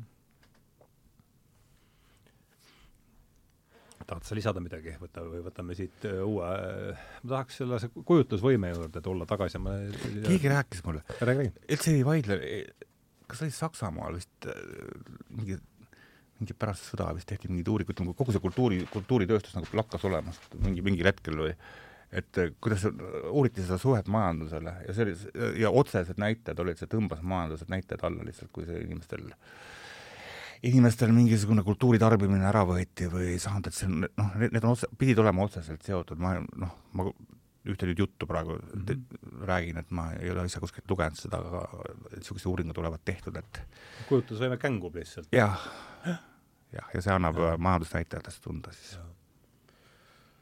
võib-olla on nii. jah no mulle, mulle tundub näiteks niimoodi, ma olen siin üritanud küll õpitud unustada ennast korras, aga midagi on ikkagi meelde jäänud, üks seadus, millest seal omal ajal äh, Trooja hobuse ehitamise ajal palju jaurati, oli kahaneva piirtoodangu seadus, et kui teistes on väga lihtne, et kui me kusagilt midagi kaeva, kaevame, siis ühel hetkel mida rohkem me kaevame, seda vähem sealt tuleb ja seda rohkem me peame energiat äh, selleks kulutama ja, ja, ja müüdid, üks võimalus on mõelda, müüdid ja kujutlusvõime määravad üldse ära selle koha, kus me kaevama hakkame et, et see on see, kuidas mina seda, seda, seda praegu mõtlen, et ma ei tea, kas, mis sa, Andres, suudad sa sellega vähemasti haakuda sellega? selle mõtte, ma otsin siit ühte kujutlusvõime kohta jah, muidugi, niivõrd kui äh, niivõrd, kui ta on ikkagi, kui ta on ikkagi midagi, mis läbi mille me maailma mõtestame. no vaatame, jälle ma ei taha siin, ma ei taha siin väga, väga nagu pikalt, äh, pikalt nagu rääkima jääda, aga Kreekas originaalselt, eks, või see nagu nii-öelda see mütos ise oli alguses midagi, mis on, midagi, mis tuleb suust välja, ehk siis mm -hmm. kõne, eks. ja müüt ise, noh, ta on nii paljusid asju olnud läbi noh, mitte läbi ajaloo, aga tegelikult ka täna, eks, on uh, ühest küljest peetakse müüdiks midagi, mis on uh, noh, tead, kui ma ei tea, kui, kui sulle öeldakse, et, et mis sa siin müüte välja mõtled, eks, või kui sa, ma ei tea, kui sa, kui sa vaatad mingeid artikleid, kus keegi mingeid müüte ümber lükkab mm, -hmm. siis müük, müüt on väga selgelt midagi, mis on vale. Lori lugu, eks, mitte tõene, eks. aga Jane, minul on siin, sina räägid mulle müüti, näe, minul on siin Excel, mis näitab sulle no,, et see on täie-, see on tüüpiline, kuidas praegu käitutakse. ja see oli, see oli ka Vana-Kreekas, eks, oli, kui sa võtad äh, noh, Platoni, kes luulet-, kes luuletajate nagu väga suur sõber ei olnud, eks, et ta sisuliselt ikkagi saatis nad oma nii-öelda nagu sellest ideaalsest vabariigist välja, eks, küll kutsus tagasi, eks, nagu teatud, teatud tingimustel, eks, aga põhimõtteliselt, põhimõtteliselt ütles, et seal lihtsalt see on liiga emotsionaalne, eks, et seal ei ole nagu reaalsusega või päris täiega palju pistmist, eks. siis teine vaade on see, et müüt on midagi, mis on äh, peaaegu et allegooria, eks ehk siis see oli väga huvitav slaid, mis sa, see oli see, mis eelmise korra jah, on see, et, et sul on läbi mingi väga spetsiifilise instantsi, sa seletad mingisugust nagu sügavamat tendentsi või sügavat tõde. tegelikult mingis mõttes mitte just vastupidine päris, eks, aga et müüdid on tegelikult midagi, mis on väga, väga sügavapõhjalised ja mis peegeldavad mingit väga palju sügavamat tõde, eks, kui see meie nagu igapäevakogemus, eks. ja siin ja noh, see, see on ju lõpuks jälle, me tuleme selle juurde, mis meist inimesed teeb, eks. on jällegi nii palju, kui ma, ma selgelt ei ole, ei ole nagu loomade bioloogiast või psühholoogiast väga palju ei tea, eks, aga, aga lõpuks see, et me suudame mõtestada ja arutada asjade üle, mis ei ole meie kohe, kohene, vahetu igapäevane kogemus, on ikkagi midagi, mis inimese teeb mingis mõttes nagu unikaalseks, eks. ja noh, sealt edasi, et müüt on lihtsalt nagu lugu, eks siis äh, teooriad, mis käisid selle kohta, kuidas, kuidas kõik see, mis mütoloogiast välja tuleb, a la kõik jumalad, kangelased on kunagi olnud päris inimesed. jah, see oli see teine, ja kus sul on siis Hiina telefon, eks, et kus sul üks põlvkond ja. räägib teisele ja sul on suuline traditsioon ja siis sa räägid ja räägid ja räägid ja räägid ja räägid, eks, ja liigud oma seda mööda seda oma ajajoont edasi. ja siis ühel hetkel selles loos äh, härra X on muutunud jumalaks mm, -hmm. äh, jumalaks Y, eks ja noh, siis on hästi palju mu-, muudseid teooriaid on palju tegelikult, alates, alates seal, seal Hume'ist kuni Herderi, kuni, kuni Freudi, kuni noh, jumal, lühidalt palju. aga, aga mingis mõttes see jällegi, mis, mis Olav ütleb, on hästi huvitav ka nagu selle kogemuse osas, et me ei ole ju füsioloogiliselt ja bioloogiliselt väga muutunud läbi kõikide nende aastatuhandete, eks. ja seal oli, kunagi ma lugesin, lugesin seda, seda Harari hitt-teost, mis oli, oli Sapiens, eks ja nii palju, kui ma nüüd mäletan, see oli küll aastaid tagasi, aga seal oli üks ääretult kena seletus sellele, kuidas inimestel on vaja müüte selleks, et laiaulatuslikult ükskõik mida koos teha mm. -hmm. Uh, ühist lugu, eks? jah, et ta on nagu meie ühine kujutlusvõime, eks, ja, ja kui me niimoodi mõtlema hakkame, siis selle, sellele ühi-, ühisele kujutlusvõimele, eks me ju ehitame üles hästi palju asju, eks uh, olgu see siis antiiklinnas, olgu see suguharus, olgu see tänapäeva tsivilisatsioonis, eks. ja noh, seal, sealt nagu edasi minnes tead asjad nagu, asjad nagu raha ja inimõigused ja ma ei tea, ÜRO, Euroopa Liit, eks nagu kus sa teda käega katsud, eks, et uh, kuni riikideni välja, eks, et see on kõik meie kollektiivse nii-öelda kujutlusvõime me põhi, mis võimaldab meil üldse asju koos teha. ja siis sealt ta jõuab, mingis mõttes jõuab minu jaoks nagu kõige nagu võib-olla meeldejäävamani kohani selles raamatus ka, on see, et, et ta vaatab seda inimese pikemat ajalugu ja ütleb, et kuni homo sapiensi esiletõusu. jah mm -hmm kuni homo sapiensi esiletõusule, noh, ütleme, et seal on kiviaeg, mis algas tead mingi kolm, kolm, kolm pool miljonit aastat tagasi, eks, ja tegelikult kestis kuni, kuni eks enam-vähem selle perioodini, millest me siin alustame, ütleme mingisugune kolm tuhat, neli tuhat enne Kristust. et, et inimesed olid toiduahelas, olid, olid oma savannis suhteliselt keskmisel kohal alati kuni homo sapiensi tulekuni või esiletõusule umbes sada tuhat aastat tagasi või noh, tähendab tegelikult arvatakse, et homo sapiens on varajasem, aga ütleme siis nagu esiletõusule. ja siis ta ja siis ta kogu tänapäeva mure või noh, ka sõjad, julmuse, jõhkruse, kõik muu, ta tegelikult paneb täpselt sellesse konteksti. Ja see viis, kuidas ta seda kirjeldab, on jah, peaaegu et poeetiline, kuidas, kuidas lõvid ja vaalad on tõusnud toiduahela tippu läbi väga pika evolutsiooni, eks, nad on väärikad, nad on enesekindlad, nad on lühidalt, nad on lühidalt olendid, kelle tõus toiduahela tippu tippu on olnud loomulik ja väga järk-järguline, pikaajaline mm. -hmm. ja siis on inimene, kes ühel hetkel tänu siis noh, kutsume seda siis kognitiivseks revolutsiooniks, tegi järsu hüppe, eks, keda ta siis võrdleb rohkem äh, banaanivabariigi diktaatoriga, eks mm, -hmm. kes on kogu aeg olnud toiduahela keskel uh, ja ühel hetkel on avastanud, et tal on, et ta on kuidagi võimsam kui teised, eks, ja siis kogu seesama, kogu seesama hirm uh, ja kõik muu, mis selle toiduahela keskelolekuga kaasneb, ei ole andnud ja see kiirus ei ole andnud inimesele aega kohaneda, kohaneda sellega, et ta on toiduahela tippu jõudnud ja. ja ta ei ole ökosüsteemile inimese ümber andnud aega, et kohaneda sellega, et mingi tegelane on äkki tulnud ja kõik üle võtnud, eks mm. -hmm. Um, mistõttu tema nagu, tema see, noh, see, see, see kirjeldus, see raamat ise on, noh, ta on, ta, ta, ta on üsna nagu lihtsalt kirjeldatud, aga see seal on peaaegu et nagu, peaaegu et nagu poeetiline osa sellest raamatust siis kus ta siis uh, üsna palju inimese siis ütleme, tumedamat poolt mingis mõttes viib tagasi selleni, et me oleme lihtsalt ühel hetkel liiga kiiresti hakanud liikuma ja ei ole sellega suutnud kohaneda ei meie ega ka meie, meie ümbruskond. kõlab äh mitte väga väheusutavalt, hm. pigem, pigem ikkagi, pigem ikkagi võetakse usutavalt. vaalad on mul viie, viieaastased suured lemmikud praegu. ja siis ta ikka mõtleb, noh, loeme siis kirjandust, nagu teadlased ikka väidavad, et nad on põhimõtteliselt maalt kolinud tagasi vette ja noh, kunagi sõralised nagu et siis on, võime, võime, võime, võime igale poole tagasi pöörduda, lihtsalt aeg, aeg teeb, teeb oma korrektiivid, võime veel tagasi ka minna ajas nagu onju või vette nagu, et Vaala raamatule me pühendasime terve, pühendasime terve omaette hooaja, Moby Dick oli meil just enne pre presidendivalimisi, see, oli siis viimane, mis ma üksi tegin. aga see jah, et me ise, et me ise ei kohane nagu selle oma, oma kasvuga, see, see, see on nagu, see on hirmuäratav aga tundub küll niimoodi olevat, jah. Ja.. põhimõtteliselt nagu lämbume omaenda selle samuse kätte siinsamas. see tundub olevat küll äh, ja see teema on siin mitu korda läbi käinud, et kui me lämbume sellepärast, et see, see koht, kuhu, mida me oleme harjunud kaevama, sealt, sealt ei tule enam midagi, et see ekskavaator võtab äh, kolm korda rohkem energiat, kui sealt, me sealt tagasi saame ja, ja nüüd on, ongi kaks võimalust, et üks võimalus on see, et loome mingi loome mingi uue, äh, see kõlab äh, esimese hooga labor, ta tuleb luua uus reaalsus. ja, ja see uue reaalsuse loomine äh, toimub äh, paljuski läbi mm, kujutlusvõime, mulle tundub, sest reaalsus on muutunud luge-, lugesin mingit artiklit, seal nagu väideti, et maailma imetajad, imetajatest on vist kuuskümmend protsenti kariloomad, siis kolmkümmend viis või kuus protsenti inimesed ja siis need ülejäänud umbes neli või viis protsenti on need, kes noh, kes jagavad siin looduslikult meiega maailma, et noh, et see, et see, need vahekorrad on nagu väga paigast ära või, et noh, ehk et need kariloomad kuuluvad ju veel ka meie meie, meie kolhoosi.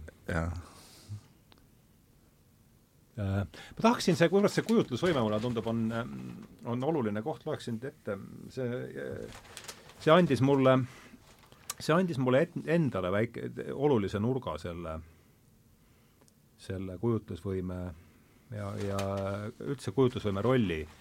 Et see tuleb viimasest, tean seda teejuhtidest mu intervjuust David Abramiga ja, ja käib siin seda laba, sama Hillman, kellest ma siin alg-, keda ma siin alguses tsiteerisin. Et kujutlusvõime oli Hillmanile väga oluline, teda pidas seda eriliseks vaimuandeks, suutlikkuseks luua fantastilisi nägemuspilte, imaginaarseid maailmu, ehk et kujutlusvõime oli siis üks võimalus seda tõlgendada ta nagu arvutusoskus või ma ei tea, mis ma ei tea, võime kõrgele hüpata. okei okay,, see on suur füüsiline suutlikkus, noh arvutusoskus, mis, mis meil veel on, mälu, nii edasi ma tahtsin oma trikkidega näidata ka seda, et maagi vaatenurgast kuulub kujutlusvõime kõigepealt ühte tajuorganitega. kujutlusvõime töötab juba taju tasandil ja tal on rea-, seeläbi siis reaalsust vormiv mõju, eks, sest mis on reaalne, seda määrab meile taju. Selle asemel, et rääkida kujutlusvõimest kui omaette annist, võime seda pidada oma meeleorgani, meeleorganite vaikesätteks. kujutlusvõime määrab ära selle, mida me üldse näeme ja kuuleme äh, jah, võib-olla see, et ma väitsin, väitsin oma tunniajases ettekandes, et silmamoondamistrikid kasutavad sedasama tajuorganite loomingulist nõtkust. kujutlusvõime on taju lõiketera. ka kõige tavalisem tajumus ei saa toimuda ilma kujutlusvõime abita, see ei paikne meie sees, vaid on osa meid ümbritsevast maailmast, et mis te sellest, see, see oli mulle endale niisugune ahaa, huvitav no,. et seetõttu ma ta ette lugesin no,, et mis te kujutlusvõime, see võimaldab nagu ütleme siis nagu ütleme just nagu kirjanikuna räägin, see võimaldab äh, ikkagi minna täiesti teise reaalsusesse. Et ütleme, ütleme selle luuletuse puhul võib-olla mitte, on ju, kui ma mm -hmm. teen, aga ütleme, kui ma kirjutan selle kaks-kolm kuud romaani teksti näiteks, siis ma ju tegelikult mingist hetkest ma enam ei, ma ei kirjuta seda teksti, vaid ma elan nende tegelastega. ja see võib, ütleme, kuude pikkuse kui kuude kaupa olla, siis reaalsuses, teises reaalsuses on ju, see muutub nii loogiliseks, et ühel hetkel, kui kaamera, see niisugune kaamera võtaks niisugust kirjaniku pealt, on ju, siis no ma võiksin saada hullupaberit, sellepärast et ühel hetkel nagu kirjanik naerab, on ju, laginal lihtsalt üksinda toas, sellepärast et see noh, on naljakas asi, mis praegu selles keskkonnas juhtub mm. -hmm. samal hetkel kirjanik nutab poole tunni pärast nagu, Mhm. on ju, ja siis vaatad niimoodi, come on mees, sa ei ole normaalne. ja ja nii raske on tulla tagasi selle päris reaalsusesse, võtta pangakaarte, minna po poodis süüa ostma või teha mingi kõne või vastata mingile meil-, meilile. Need kaks reaalsust hakkavad täiesti kõrvuti käima. ja ma natuke kardan, ma kardan neid, tähendab, on äraminekuid, et mul see sotsiaalne elu ja pereelu, need lagunevad täiesti käest ära sel hetkel. et siis ma olengi nagu üritanud kirjutada niimoodi, et võimalikult korraga Mm. kuna ühest reaalsusest teise pekslemine on väga valus, väga raske on tagasi minna ühest reaalsusest teise, et parem olla siis juba ära kaks kuud ja lõpetada see töö ära ja siis tulla tagasi ja haka- hakata uuesti siin reaalsuses. see kujutlusvõime on äh, võib-olla väga julm asi. mm -hmm. et äh, seda ei saa kuidagi nagu alahinnata, et seal noh, teisipidi jälle noh, ma olen nagu, ma olen nagu alati mõelnud, et loovus on nagu puue või noh, jah, et et kui ütleme siis äh, see, see reaalsus miskit moodi, no tõesti viimane, viimane raamat oli, viimast raamatut hakkasin kirjutama nagu see, et mul läks laps haiglasse mm. -hmm. ja ma olen üksi kodu ja mul oli nagu, nagu nii halb olla, ma ei saanud kusagil noh, teadmatus ka, et nagu mis, mis nagu saab ja praeguseks saaks, on kõik lahenenud ja kõik on jumal tänatud hästi, onju. aga see tegi, tegi, liigutas niimoodi paigast ära, et see reaalsus, mis no noh, ma olin üksi kodus, parajasti nagu tuli see koroonaaeg ka nagu kõik toiduahelad olid katki mis, mis, mida ma tegema hakkan lihtsalt ja mul ei olnudki muud võimalust, kui põgeneda uuesti, uuesti äh, romaani sisse. ja põhimõtteliselt kaks kuud ma olin nagu, kaks kuud ma olin jälle kõrval ja siis noh, tulin tagasi, see reaalsus oli juba parem, lapsega, lapsel oli juba parem. Hakkasid mingid toiduahela otsad jälle paistma kuskilt ja, ja aga, aga käsikiri sai valmis. Mm.. et selleks on vaja nagu mis sa kirjutasid? ma kirjutasin niisugune äh, noh, jälle laste täiskasvanute teemad on teemad on suht ühed. niisugune võib-olla teismelise täiskasvanu raamat ja, ja oli see eelmisega seotud kuidagi või täitsa? ei, ei, ei, ei, täiesti uus on. ma arvan, et niisugune armas, heatahtlik. millal tuleb? ma, ma pean natuke tööd tegema, ma pean uuesti minema sellesse teise reaalsusesse ja nüüd tegema selle järgmise nagu ütleme siis nagu lihvimisringi peale, aga ma arvan, et see talv, see kevad ma ikkagi nagu teen ära mm. -hmm. Et see kujutlusvõime on noh, üks asi on see, et kui sa kujutad midagi ette, eks ole, aga, aga, aga sa võid, sa võid inimesena sinna ära kaduda. ja võib-olla ka see, et sa ei leia enam teed tagasi, nagu ma, ma arvan, kuna ma olen käinud seal niimoodi, on ju, mhm. et see tee võib olla selline, et sa ei tulegi sealt tagasi mm. -hmm. et sellel nagu piire, kui kaugele endast ära minna, vist ei olegi. Ehk siis, mis tõstab ta ikkagi küsimuse sellest, et äh, noh, mis on reaalne ja mis ei ole reaalne, et see ei ole ikkagi üldse nii, nii väga selge, sest millessegi kui millessegi, mis ei ole reaalne, on võimalik reaalselt äh, ära kaduda, siis tekib ju küsimus, et kui ebareaalne see asi siis nüüd ikkagi, ikkagi on, et äh, et aga mulle tundus kuula, mis sa, mulle tundus, kui, kui Olavi rääkis praegu siin seda, siis ta rääkis ikkagi kujutlusvõimest pigem sellisest mulle, mulle tundus omalaadi mingist vaimu, vaimuandest, noh veel kord nagu võimalus luua, luua head muusika, no eks me ka kujutlusvõimega muidugi seotud, aga, aga veel kord noh, ütleme mõned inimesed arvutavad väga kiiresti, aga või noh, mis, mis tahes teised no, vaimsed hullumeelsus on ka mingi reaalsus, eks ole, kus inimene on niimoodi, et jah. aga noh, mulle tundub, et Abram siin viitab sellele, et et kujutlusvõime määrab ära juba selle, mida me kuuleme ja näeme ja sellega määrab sõna otseses mõttes seda, mida me seda, mis läbi tajuorganite meile tuleb ja seda, mida me peame reaalsuseks, et ma, mind huvitaks see, et mis, mis te sellest mõttest arvate? Eks ta natuke haakub minu meelest Kanti filosoofiaga, see, et me ei, me ei näe kunagi asja reaalsusele põhjani, vaid näeme, näeme kõike läbi prillide ja, ja, ja kujutlusvõime mingil määral on see, need prillid, mille läbi me seda asja iseeneses, millest me kunagi aru ei saa, siis enda jaoks, et kuidas teile see kuidas see mõte tundub? Andres, mis, oli see üldse jälgitav? jaa, muidugi, jah um, ma ei oska isegi, ma ei oska isegi kusagilt otsast alustada, et, et see, millest, see, millest te räägite, on kujutlusvõime ikkagi, on ikkagi, ütleme, indiviidi kontekstis, eks. kui me räägime müüdist, siis ma pigem näen müüti kui, kui sellist kollektiivse mm -hmm. kujutlusvõime nagu väljund, et, mm -hmm ma olen noh, täitsa nõus, ma arvan, et eriti, vaata kuhugile sa ehitad ka mingile põhjale siiski, ma arvan, et tundlikule loomusele on väga elav kujutlusvõime, võib, noh, ta võib tuua palju rõõmu, aga ta võib ka tuua meeletult palju kannatusi. just uh, ta mingis mõttes, ta on jah, ta on see filter, ta aitab meil tegelikult kontekstualiseerida, aga mis see, tähendab jälle kujutlusvõime on siis nüüd mis, kujutlusvõimet saab, tähendab üks asi me üritame siin just, et, et, et, et ta võib olla loov. Ta võib olla loov tõesti, et äh, sa kirjutad luuletuse või kirjutatakse muusikat või sul on, aga ta võib ka olla, tähendab, jällegi, mille, kast, mille poolt ta on raamistatud. et kui me võtame näiteks midagi, eks, mida noh, me oleme ikkagi viimase kolmesaja aasta jooksul hästi, võtame näiteks teaduse teaduse, kus on väga noh, me oleme sinuga rääkinud teadusrevolutsioonist ja teaduslikust meetodist ja kõigest muust, eks, see nende asjade läbiviimine on väga süsteemne, katsetamine, uuesti katsetamine, verifitseerimine ja nii edasi, aga teaduse juures, eriti edasiviiva teaduse juures, või noh, ütleme siis nagu hüppeid tegeva teaduse puhul on õudselt oluline, on hüpoteeside püstitamine mm. -hmm.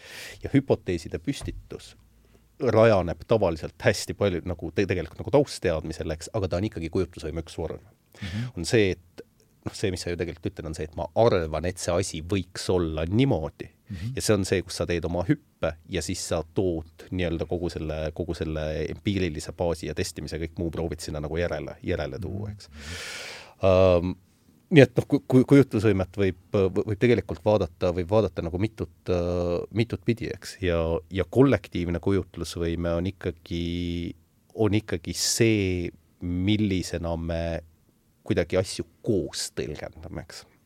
ja sealt kasvavad välja, noh alguses, eks oli, oli müüdi roll oli jah, ta oli kosmoloogiline, eks selles mõttes, et tead, jumalate, jumalate loomismüüdid, eks kõik, kõik, kõik muud, eks seal, seal Gilgameshid ja mis selle asja nimi oligi, Enuma Elish vist mm, -hmm. mis oli, mis oli, oli babüloonlastel mm, -hmm. jah uh,.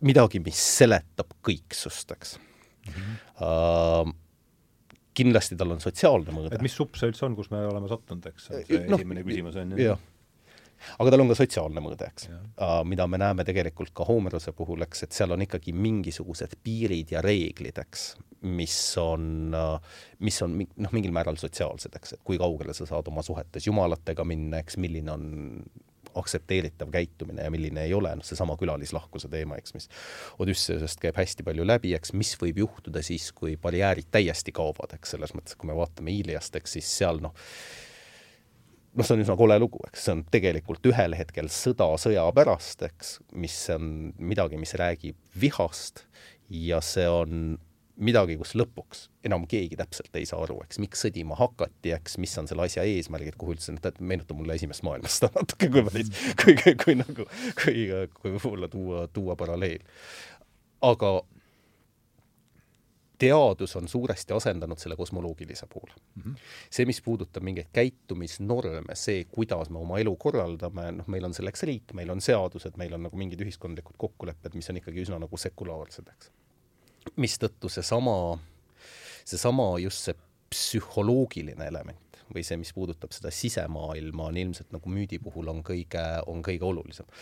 lihtsalt äh, noh, seal võib ka teistmoodi minna, vaata ühel hetkel sa võid kujutleda ette mingisuguseid stsenaariume, mida ei ole ja jumal, ma olen ju samamoodi, eks teismelise tütrega tead istunud ja, ja vaadanud kella ja mõelnud, et kell on kaksteist ja last ei ole ja kell on üks ja last ei ole ja kaks ja kolm ja eriti kui sul on tütred, eks siis noh, tead selleks ajaks, kui kell saab pool neli, eks oled sa ikka nagu juba üsna mures. ja mitte tingimata ainult nende faktide enda pärast, aga sellepärast, et see, mida su kujutlusvõime hakkab tegema, eks on üsna noh, muutub ühel hetkel ikkagi üsna nagu, üsna nagu ebameeldivaks, eks. ja, ja, ja samamoodi on ju ka kollektiivsete müütidega, et kus, kus lõpeb müüt, kui midagi, mis on, on kas lõbus või õpetav või hariv või ükskõik mida muud, ja kus ta muutub peaaegu et nagu patoloogiliseks ideoloogiaks mm. -hmm sellepärast et äh,, sellepärast et ka seda on, on juhtunud maailma ajaloos, eks äh,. ja noh, seal ma tulen tagasi võib-olla päris alguse juurde, mis on, mis on see, kuidas elada maailmas, kus tegelikult ei ole enam selge, et noh, mis see, mis see inimagentsus siis on, eks mm, -hmm. ja kes tegelikult mida kontrollib mm. -hmm. Uh, et ühel hetkel on lihtsalt, on autopiloot, eks mm. -hmm. ja, ja see meie praegune kutsume seda siis müüdiks, eks.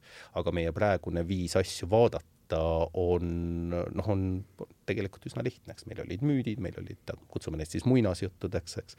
meil oli kristlus, mis on, või religioon tervikuna, eks, mis on, võib väita müüdi üks vorm, eks, meil tuli teadusrevolutsioon ja nüüd me areneme, areneme, areneme, areneme, eks, ja ja me oleme kinni selgelt nagu mõtteviisis, kus me eeldame, et see, mis on, mis on, eks on kolm-nelisada aastat, on, on nagu olnud meie selline mõttemall, noh, see on sinu, sinu nagu lemmikteema on kogu see, kogu see renessansi, reformatsiooni, valgustusajastu ja teadusrevolutsiooni selline nelik, eks, mis on ladunud pinnast sellele, kus me oleme. et kuna see on see, kus meie, kust meie praegune mütoloogia ikkagi pärineb, siis no vaatame, kuhu ta meid viib, eks, et äh, mis on kangelase ju, kangelasmüüt ju selles mõttes, et punktist A ülesse punkti B poolega seal ju ei ole järe, järe, järele jätvad, mulle tundub, et see on see ja ma ei mis Olavi on olnud mõistatuslikult vaikinud mõnda aega. teaduse peale kõrvalt mõtlesin, et noh, et siin on kas või nagu tähendab, et see kogu see koroona ajal nagu siin on noh, kaks erinevat tõde, kas nüüd vaktsineerida või mitte vaktsineerida, eks ole, siis noh, mina mõtlesin, kuidas mina teen nagu, et ei tahagi kummalegi poole öelda, et, et noh, kust mina tean tegelikult, on ju. kas on õigem või mitte õigem, on ju. ja siis ma otsustasin nagu selle peale, et nagu noh, noh, ma olen niisugune nagu, nagu turu peal oleks, nagu ütleme kuskil rahaturu peal, eks ole, et noh, ma ei saa, kui ma hakkan teaduses nagu otsima neid põhju ja tippe, on ju, ja väl-, need noh, kui ma hakkan panustama selle, et nüüd teadus selles kohas eksib, on ju, siis tõenäoliselt nagu ma saan ki väga kiiresti surma, nagu on ju, kui mitte täna, siis homme või viie aasta pärast.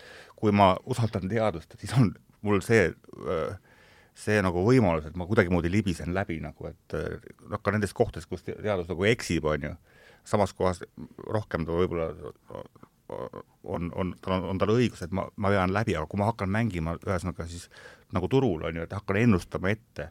Põh-, turu põhjasid ja tippe teaduse puhul, et ma olen üsna kiiresti nagu sir-, siruli ja pärast seda otsust ma siis tegin, tegin ise otsuse, et ma ikkagi nagu vaktsineerin, praegu olen kolm korda teinud seda. et, et, et, et niisugune asi jah, mõte tuli pähe praegu jah, nojah, see on muidugi see küsimus, et me, kui me ütleme, et me usume teadust, et siis oleks seal nagu mingi korpus, mida see on usk. mida, mida see on usk, selge, absoluutselt. see on usk, see on täpselt samamoodi, et me kõik oleme usklikud tegelikult siiamaani, et okei okay,, nüüd ei, võib-olla ei usu seal üks asi, et ta on usk ja teine asi, et ta on, see ei ole tegemist mingi korpusega seal, vaid on tegemist äh, teadlastega, kellest siin üleöö selgub, et on jälle äh, kes enne oli teadlane, nüüd hoopis pseudoteadlane. kui inimene ja... ütleb, et ta ei ole usklik, siis ma soovitan talle jälgida oma tunnet, kui ta ostab loteriipileti nagu onju mm. -hmm. et, et, et need inimesed muutuvad kohe usklikuks nagu onju, et noh, et ega ma, ma olen ju tegelikult seda kõike ikka väärt nagu onju. et ükskord võiks mul kohe elus hästi minna ja noh, see on puhas uskliku jutt no,. ja mina usun teadust. seda rääkis kunagi mul siiamaani me rääkis üks, haakub hästi siia sellesse Kreeka, mingi USA niisugune investeerimispankur, siis ma vaatasin Financial Timesi mingit videosi veel, ütles, et, et noh, me irvitame nende üle, kes viisid äh, ma ei tea, mett, mette, mida sinna Zeusi templitesse parajasti viidi, aga et nüüd, nüüd me paneme, viime oma raha pensionifondide kätte või, või, või varahaldusfirmade kohta ja eeldame, et see nüüd midagi nendega juhtub, et, et näed, kus seal see, kus seal see erinevus siis nüüd nii nii, nii väga suur on, eks, et, et tule, tulevik on mõlemal juhul äh, ju teadmatu. nii, aga kus me siis, kus me siis nüüd oleme oma, oleme oma jutuga siin jõudnud? iPhone'id on siin käinud mitu korda läbi, et et no selge see, et iPhone kõigepealt ju kõvemat ei ole praegu välja käia, noh. Ja, ja see on ju selge, et kõigepealt eksisteeris ta kellegi kujutlusvõimes. Enne kui ta üldse kopp äh, maha löödi, sellega vastu vist ei, ei saa ka kuidagi mm,, kuidagi. See oli huvitav. selle ma panin kirja, et ja sellest võiks natuke rääkida, kuivõrd see on huvitav, et sa rääkisid sellest kogemusest, et kreeka keeleski kuulates, et ei saa aru, aga kuidagi langed sellesse rütmi, rütmi sisse, et äh, tundub huvitav selle, võib-olla seda, seda, seda kogemust siin natuke avada ja, ja rääkida üldse sellest luule ja, luule ja, ja rütmi mõjust meie luule ja rütmi mõju, no ma, mina jah, olen luuletaja, kes ei tea midagi nagu värsivormidest, aga noh, mina, minu jaoks on no, nagu rütmis sa, rütmi sa ei adud, muidu sa ei oleks hea luuletaja. no jaa, oota, minu jaoks on see nagu keelega mängimine, noh, nii ilus on, on seda luuletada, mul, mul, minust ei saa kunagi nagu head laulutekstide kirjutada, sest mul ei ole nagu noh, laulutekstil peab olema hästi palju ruumi nagu, et et inimesele jõuaks mingi mõte kohale, aga mulle meeldib just panna võimalikult tihedalt täis see tekst ja panna ta rütmi, vaadata, mis saab. seega minu üksikuid laulutekste, mis ma olen nagu olen välja andnud, on väga vähesed inimesed suutnud seda ära laulda, sellepärast et nüüd Jaan Pehk näiteks on minu asju laulnud ja Aapo Ilves ja, ja ma proovin, tuletan ühe, ühe meelde, kus ma, kus on minu jaoks nagu noh, enam-vähem piisavalt nagu, nagu tihe tekst, et on onu Uno tuntud parateaduste magister, ta taga ajab FBI ja kalmisturegister. Äh, talle allub pornotööstus, tal on Vahemeres tanker, talle kuulub villa Meksikos ja taevas väike vanker. noh siin hakkab mulle see nagu kontsentraat nagu ses mõttes nagu korralik-spetsialist äh, oli ta onu Uno või ah?? oli ta onu Uno, onu Uno? onu Uno, jah. et äh, see on minu jaoks kon-, kontsentraat, mis on nagu nauditav mm. -hmm. ja siinkohal ma ütlen niimoodi, et noh, et tegelikult, tegelikult riimluule ei ole päris ikka piiratud, nagu, nagu, nagu tikutakse väita. luule, luule, luule ongi niisugune kitsas ruumis mõtlemine, kus on käe-jalad nagu suletud niimoodi, et tegelikult te, jaa, et seal on niimoodi, et noh, nagu öeldakse, et mõtle kastist välja, aga aga proovi kastist sees mõelda, kus sul noh mm -hmm. äh, suletud ruumis hakkab poeesia pihta, et kui pane see kunstnik kas või, kas või nagu filmirežissöör, pane ta suletud ruumi ja seal hakkab tulema see poeesia, sest tal ei ole seal võtta kuskilt midagi liigset juurde, ta peab mängima seal kastis sees nagu mm. -hmm. nii juht, juhtuvad tihtipeale geniaalsed asjad. et see on minu jaoks nagu, nagu, nagu põnev ja samamoodi noh, kui ma proosat kirjutan, okei okay,, mul tavaliselt viimase raamatu võtsid naine ja toimetaja käest ära, ma oleks hulluks läinud, täpselt selle reaalse eh,, see lause, ma võtan lauset, loen lauset kolm korda, kas see emotsioon ja see lause, nüüd rütm kõlab kõik niimoodi, onju. teine kirjanik ütleb, nalja teed või? ütles, aga inimesed räägivadki hakitult. kirjuta nii, nagu inimesed räägivad, mis sa ilustad, aga noh, see on minu tee jälle näiteks mm. -hmm. et äh, ja siis ma võin hulluks minna selle lausega siis lõpuks äh, võetakse mul käsikiri jõuga käest ära ja öeldakse niimoodi, et see on valmis mõtled, et siin on parasiitsõnad, see, et see, see peategelane on debiilik, see, see jutt ei lähe siit välja. see peategelane kasutabki neid sõnu, sina, sina oled debiilik, ära trükki ja, ja niimoodi lõpeb tavaliselt need asjad äh et äh, ma ei tea, millegipärast poeeme ei ole enam tulnud väga palju, väga palju, eks see riimluule hakkab ära vajuma, sest ei pea, ei peeta jälle nagu väga heaks, väga heaks tavaks enam ri, riimist kirjutada, mina olen küll nagu, küll nagu rohkem riimi kirjutanud, minu jaoks on ikkagi luule nagu laul või mm -hmm. et noh, eks ma, eks ma olen siis võib-olla vanaduse mõtte, ma olen ka muidugi, muidugi kirjutanud nagu äh, vabaverssi, kui nad on, kui nad on nagu väga, väga vaimukad asjad toredad, näiteks üks on kohe õige jahimees tapab ainult armukadedusest ja söögiks või söögiks või mingid sellised sõnamängud on. keel on lihtsalt nii, nii nauditav on selle keelega mängida. no vanapäeval meeldis selliseid asju teha näiteks. vanapäeval, vanapäeval julmalt nagu hea. mäletan, mingi Liina Tammiste kirjutas kuidagi mingi naissuuletus, mul siiamaani on peas on. ma tahaksin endale pikki juust, juukseid ja meest, kes neid hoiaks, kui ma oksendan. noh, kuidas saab ilu, ilusamini kirjutada armastusest nagu onju, et kui ma olen noh, kui ma olen nagu nii halvas seisus, eks ole, ma, ma tõesti oksendan onju, siis keegi hoiab mu juukseid ja ma, ja ma olen sellisena nii viletsas seisus talle, nii kuradi kallis, eks ole, onju, noh, seal on nii palju ühes reas sees, et noh, on ilus luuletus. ma tunnen kohe ära, kui on see on huvitav, kuidas see, minul muidugi tuleb kohe kontrast sellega seoses, vähe, et see ongi, ilusad juuksed, sul tekib üsna kaunis pilt looklevatest pikkadest juustest, eks, ja siis järgmine selline visioon on oksem. Eks ta töötab väikse üllatuse jaa, aga, aga põhimõtteliselt mõte on see, et ma tahan meest, kes armastaks mind sellisena, nagu ma olen. Mm. -hmm. täpselt, et äh, see, see on nagu see on üks võlumaailm mm. -hmm. kas täiskasvanud inimene peaks tegema mingit no,, mingit, mingisugust nagu tõsist tööd, mitte mängima kuskil ikkagi samamoodi noh, kujutlusvõimega ja, ja, ja mängima mingite värssidega, aga noh, mul on juba viiskümmend kaks, mul on hilja muuta nüüd midagi.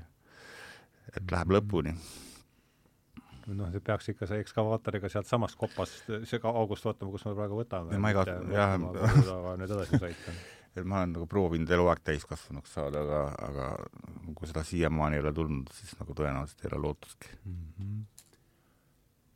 No.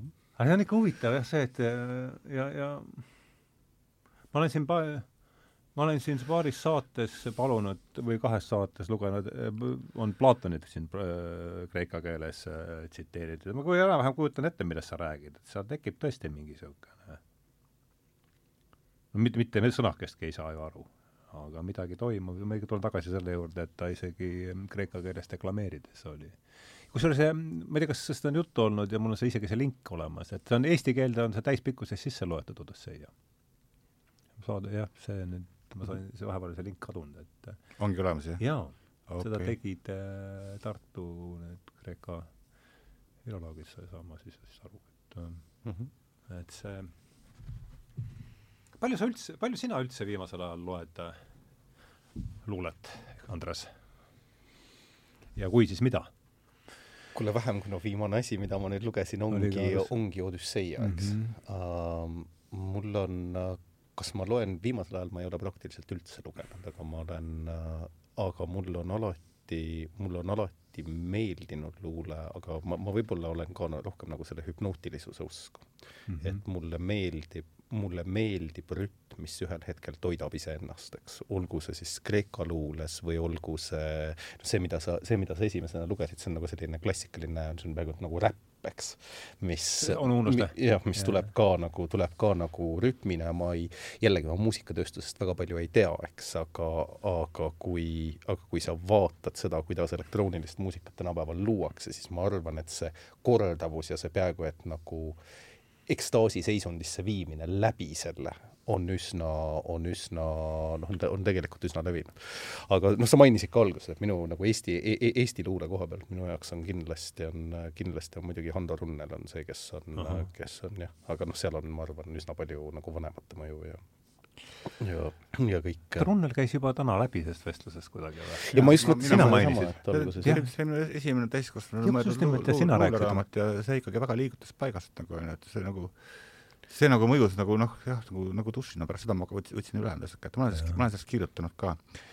Aga noh, mul on praegu nagu ütleme ja mina kättasin Viidingut omal ajal. mul on praegu vii-, mul on praegu nagu, mul on praegu nagu Viidingu see musta, mustade kaantega paks on, on, on yeah. kodus, see on see raamat nagu eneseabiõpik, et vahepeal lihtsalt, kui ma istun maha, võtan kätte suvaleheküljelt lahti ja, ja, ja see tõmbab mind nagu mis sul praegu, mis on midagi meelde ka jäänud Viidingult praegu, mis kõlab kaasa?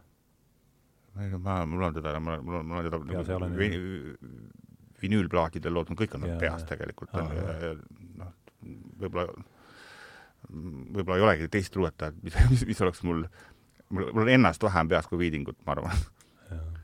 et see on nagu mingi iga, erinevatel eluhetkedel on see noh, Viiding käest tagasi tulnud, tagasi tulnud, tagasi, kas või lähed kellegi inimese poole või ärkad kellegi inimese poole ja hommik on see plaat mängib, see praks, plaadi praksumine ja siis äh, need, needsamad kartuliõis ja mm, -hmm. ja nii edasi, need lood, et need on ju kuidagi geenide sisse vist juba läinud, ma arvan.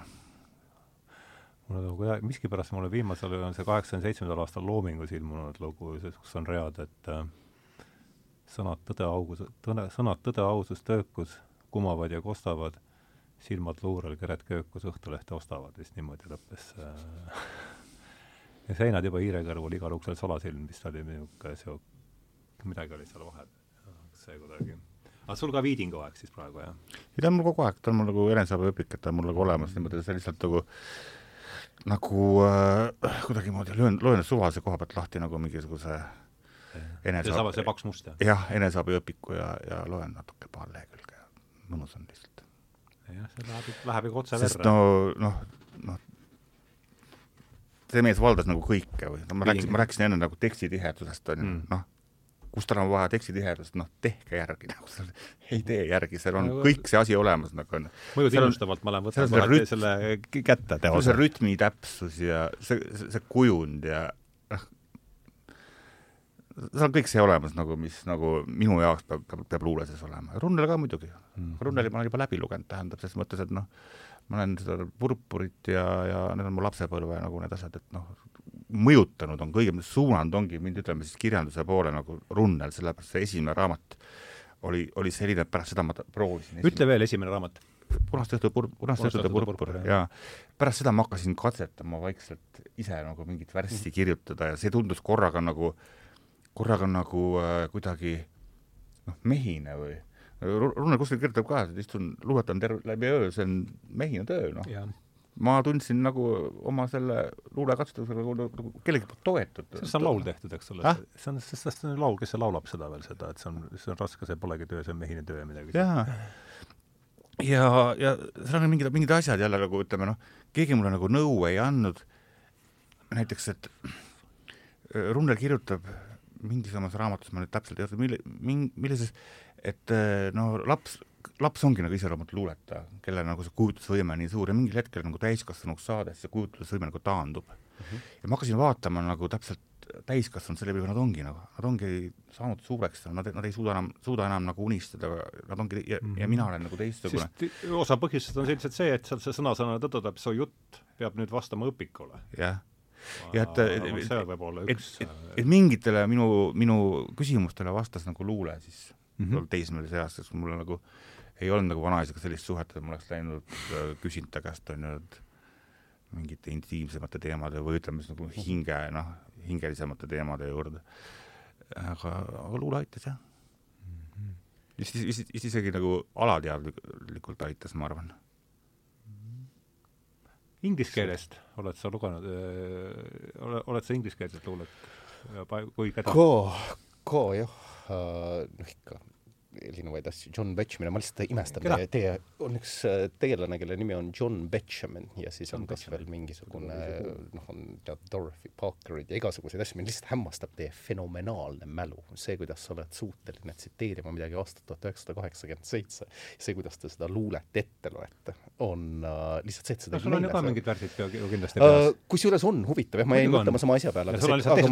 jah, just, ja ma mõtlen, kas see on äkki seotud nagu keele, keelekeskkonna või millegi muuga, sest et mul on täpselt samamoodi, mul on äh, pigem nad ikkagi tulevad, äh, tulevad jah, teistest keelekeskkondadest. Yeah.. Uh, no mis sul meelest ja..., mis sul oleks, mis tuleks niimoodi kõmdi meelde? kui, kui no kuule, ma ei tea, me, me oleme siin eestikeelses saates, võib-olla ma inglise keeles aga miks mitte see nii palju, siis üritame uh, järele mõelda, mis oleks huvitav see võib-olla ongi esimene nagu selline, selline noh, ta on, ta on catchy, eks, on kas ongi vist Dorothy Parker või midagi Dorothy sellist, mis jah. on uh, If I don't drive around the park, I'll be sure to make my mark. If I'm in bed each night at ten, I may get back my looks again. Mm. If I abstain from fun and such, I'll probably amount to much. but I shall stay the way I am because I do not give a damn no tähendab, aga need ongi, need, need on lihtsalt uh, Dorothy Parker oli see või uh,? oli vist jah, kui ma tuntud nimi on. aga müstiline on jah see, kuidas uh, kuidas teil on sellised asjad, on ikka jah, täitsa, mul on, mul on samamoodi. ei no sul on, sul on lihtsalt teised asjad, meil on kõigil ikkagi mingid sõnad, ilma milleta me ilmselt ei saa läbi. no millega, läbi mille ma lähen muusikat kuulanud, kuna ma olen muusikaline nagu autist, ma ei, nagu ei suuda nagu eriti nootidele pihta saada ja laulma, laulma te mind ka ei saa kuidagimoodi siin eetris. see oleks piinlik sa ei oleks ainus. Aga, aga ma mõtlen seda muusikat selle järgi nagu, et noh, sõnumi järgi nagu täpselt, missugune, missugune poeesia on teksti taga näiteks, ja kuna mu inglise keel ka nüüd on, nüüd on natuke parem, aga, aga oli ikkagi üsna vilets, ma pidin õppima inglise keelt selleks, et saada nagu, nagu Leonard Cohenist aru nagu, mida need tekstid nagu tähendavad.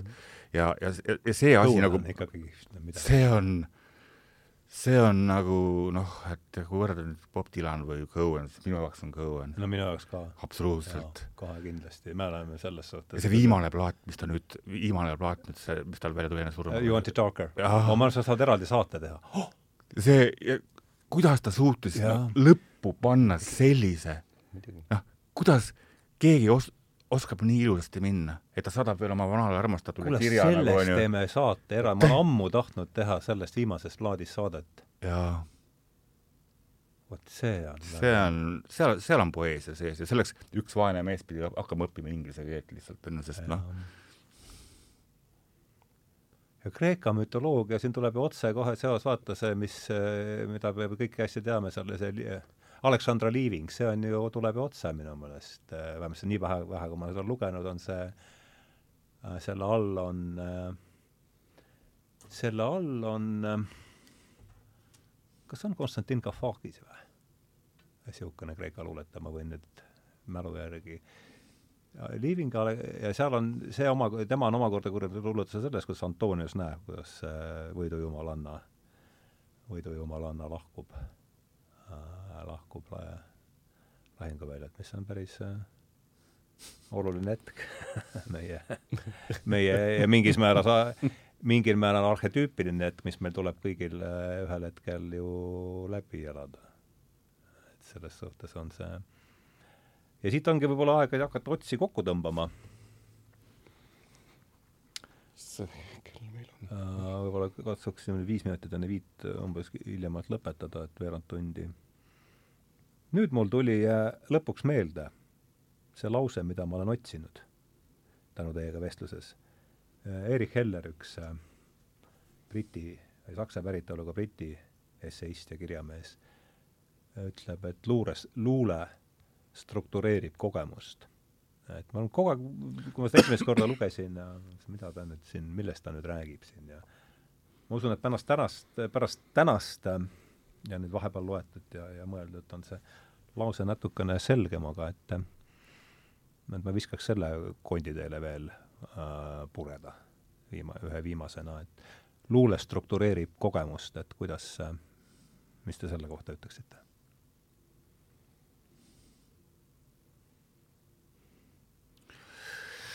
noh, väga palju minust, minu luulest on vemmalvärss et äh, et ma olen kasutanud nagu selles mõttes luulet nagu vähem teraapiana, et kir-, kirjutamine on minu jaoks teraapiline tegevus lihtsalt, on ju. et oma vaimupuudega nagu hakkama saada, siis ma olen sunnitud kirjutama. ja ma olen teinud ka endaga ammu, ammu nagu tähendab, rahu, selles mõttes, et mul ei ole vaja ühtegi raamatut kirjutada, sellepärast et on vaja raamatut vaja, mul on vaja siis sel juhul mingist seisundist vabastada ennast, et selleks, siis tuleb raamat või ei tule raamatut. kui ei tuleks ühtegi raamatut rohkem, ju ma oleks õnnelikum inimene, siis ma, seda tähendab seda, et ma olen millest Andres just äh, siin deklameeris meil. jah, selles mõttes, et ma diilin praeguse olukorra väga hästi, on see, et kui mul raamatut ei tule ja kui, kui mul ei tule raamatut, siis tähendab, minuga on kõik hästi aga luulet ma olen kasutanud tegelikult mõned korrad küll nagu ütleme siis nagu põgenemiseks on ju, et, et minna sisse lihtsalt ja ja, ja kirjutada see asi välja lihtsalt, et, et, et, et olen kasutanud jah, see on, see on ka võimalik, et et et see nagu emotsioon ära panna lihtsalt ja, ja, ja, ja oma, oma eluga edasi minna mm. -hmm. olen, olen sunnitud olnud siis ütleme mm. -hmm Andres? luule struktureerib, struktureerib kogemust, kogemust.. luule, luule struktureerib kogemust, ütleb Heller minu arvates, ma nüüd arvan, et tänu sellele mul tuli see tsitaat meelde, ma otsisin seda, et mida, mida kuramust ta võis mõelda selle all. mind on ennast see huvitanud ja nüüd ma arvan, et ma taipan natuke ehk rohkem, aga ma tahaks teada, mis sina sellest, kuidas sina sellega haakud kusjuures, kui ma mõtlen selle tänase, tänase saate teema peale, siis ma pigem näen seda, kuidas, kuidas müüt mm -hmm. struktureerib kogemust. ma arvan, et seal võib need kasutada sünonüümidena selles ja. kontekstis.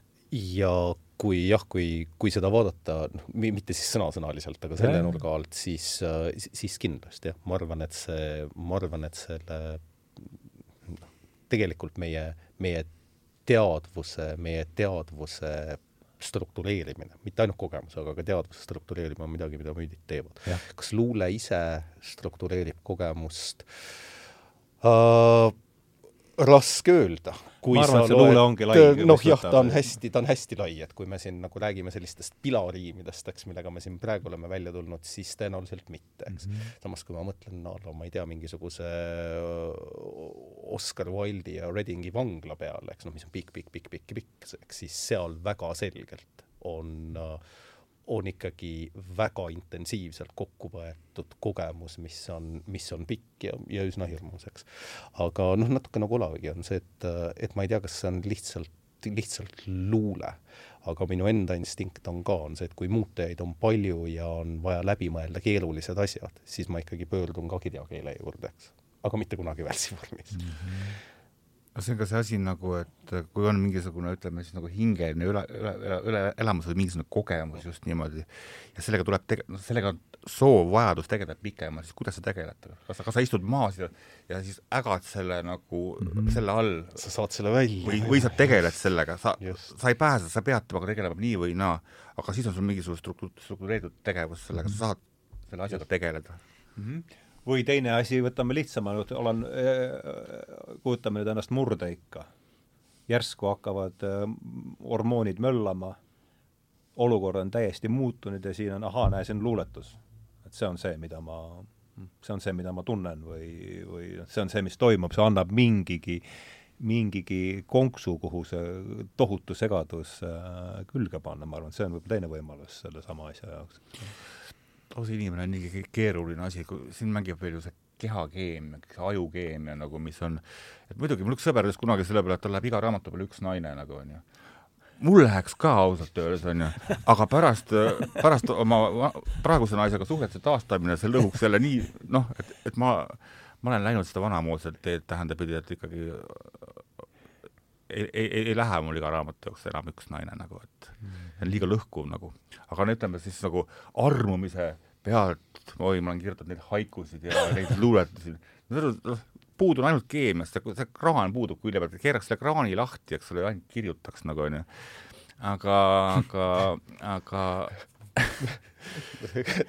sa oled, sa oled vanas heas Kreeka traditsioonis, eks, sest et seal nii Homerus kui, kui Hesiodus pöörduvad alati muusade poole, mitte küll noh, kellel on mitu neid, kellel on üks, eks mm., aga ja mitte võib-olla selles vormis, nagu sa seda kirjeldad, et sul on, et ta on siis tingimata selline ütleme siis naisest muusaga tingimata haaku, et ta on pigem nagu selline noh, peaaegu et näitamaks, kuidas jumalikkus mingis mõttes voolab läbi nende või läbi selle, mis mm. nad teevad, aga see no aga muusad on ju olnud, Trotskitel ja kõikidel olid oma muusad olemas, kes, kelle juurde nad elus ei pääsenud, aga lihtsalt see, see on motivatsioon või mis, mis, mis, mis neilt kujut-, kujutluspilt, kujutelda, vaata need muusad tagasi tuli, see oligi see, mis pani nad looma. tead, kusjuures see on jah, see on hästi huvitav, on see, mis sa ütled, kujutlusvõime just selle positiivse poole pealt yeah. on see, et see on midagi, mis annab lootust mm. -hmm. Uh, ja ma püüan meenutada, ma ei mäleta, kas see oli Harry, see raamat, mille nimi oli vist, oli vist Isamaa või Fatherland,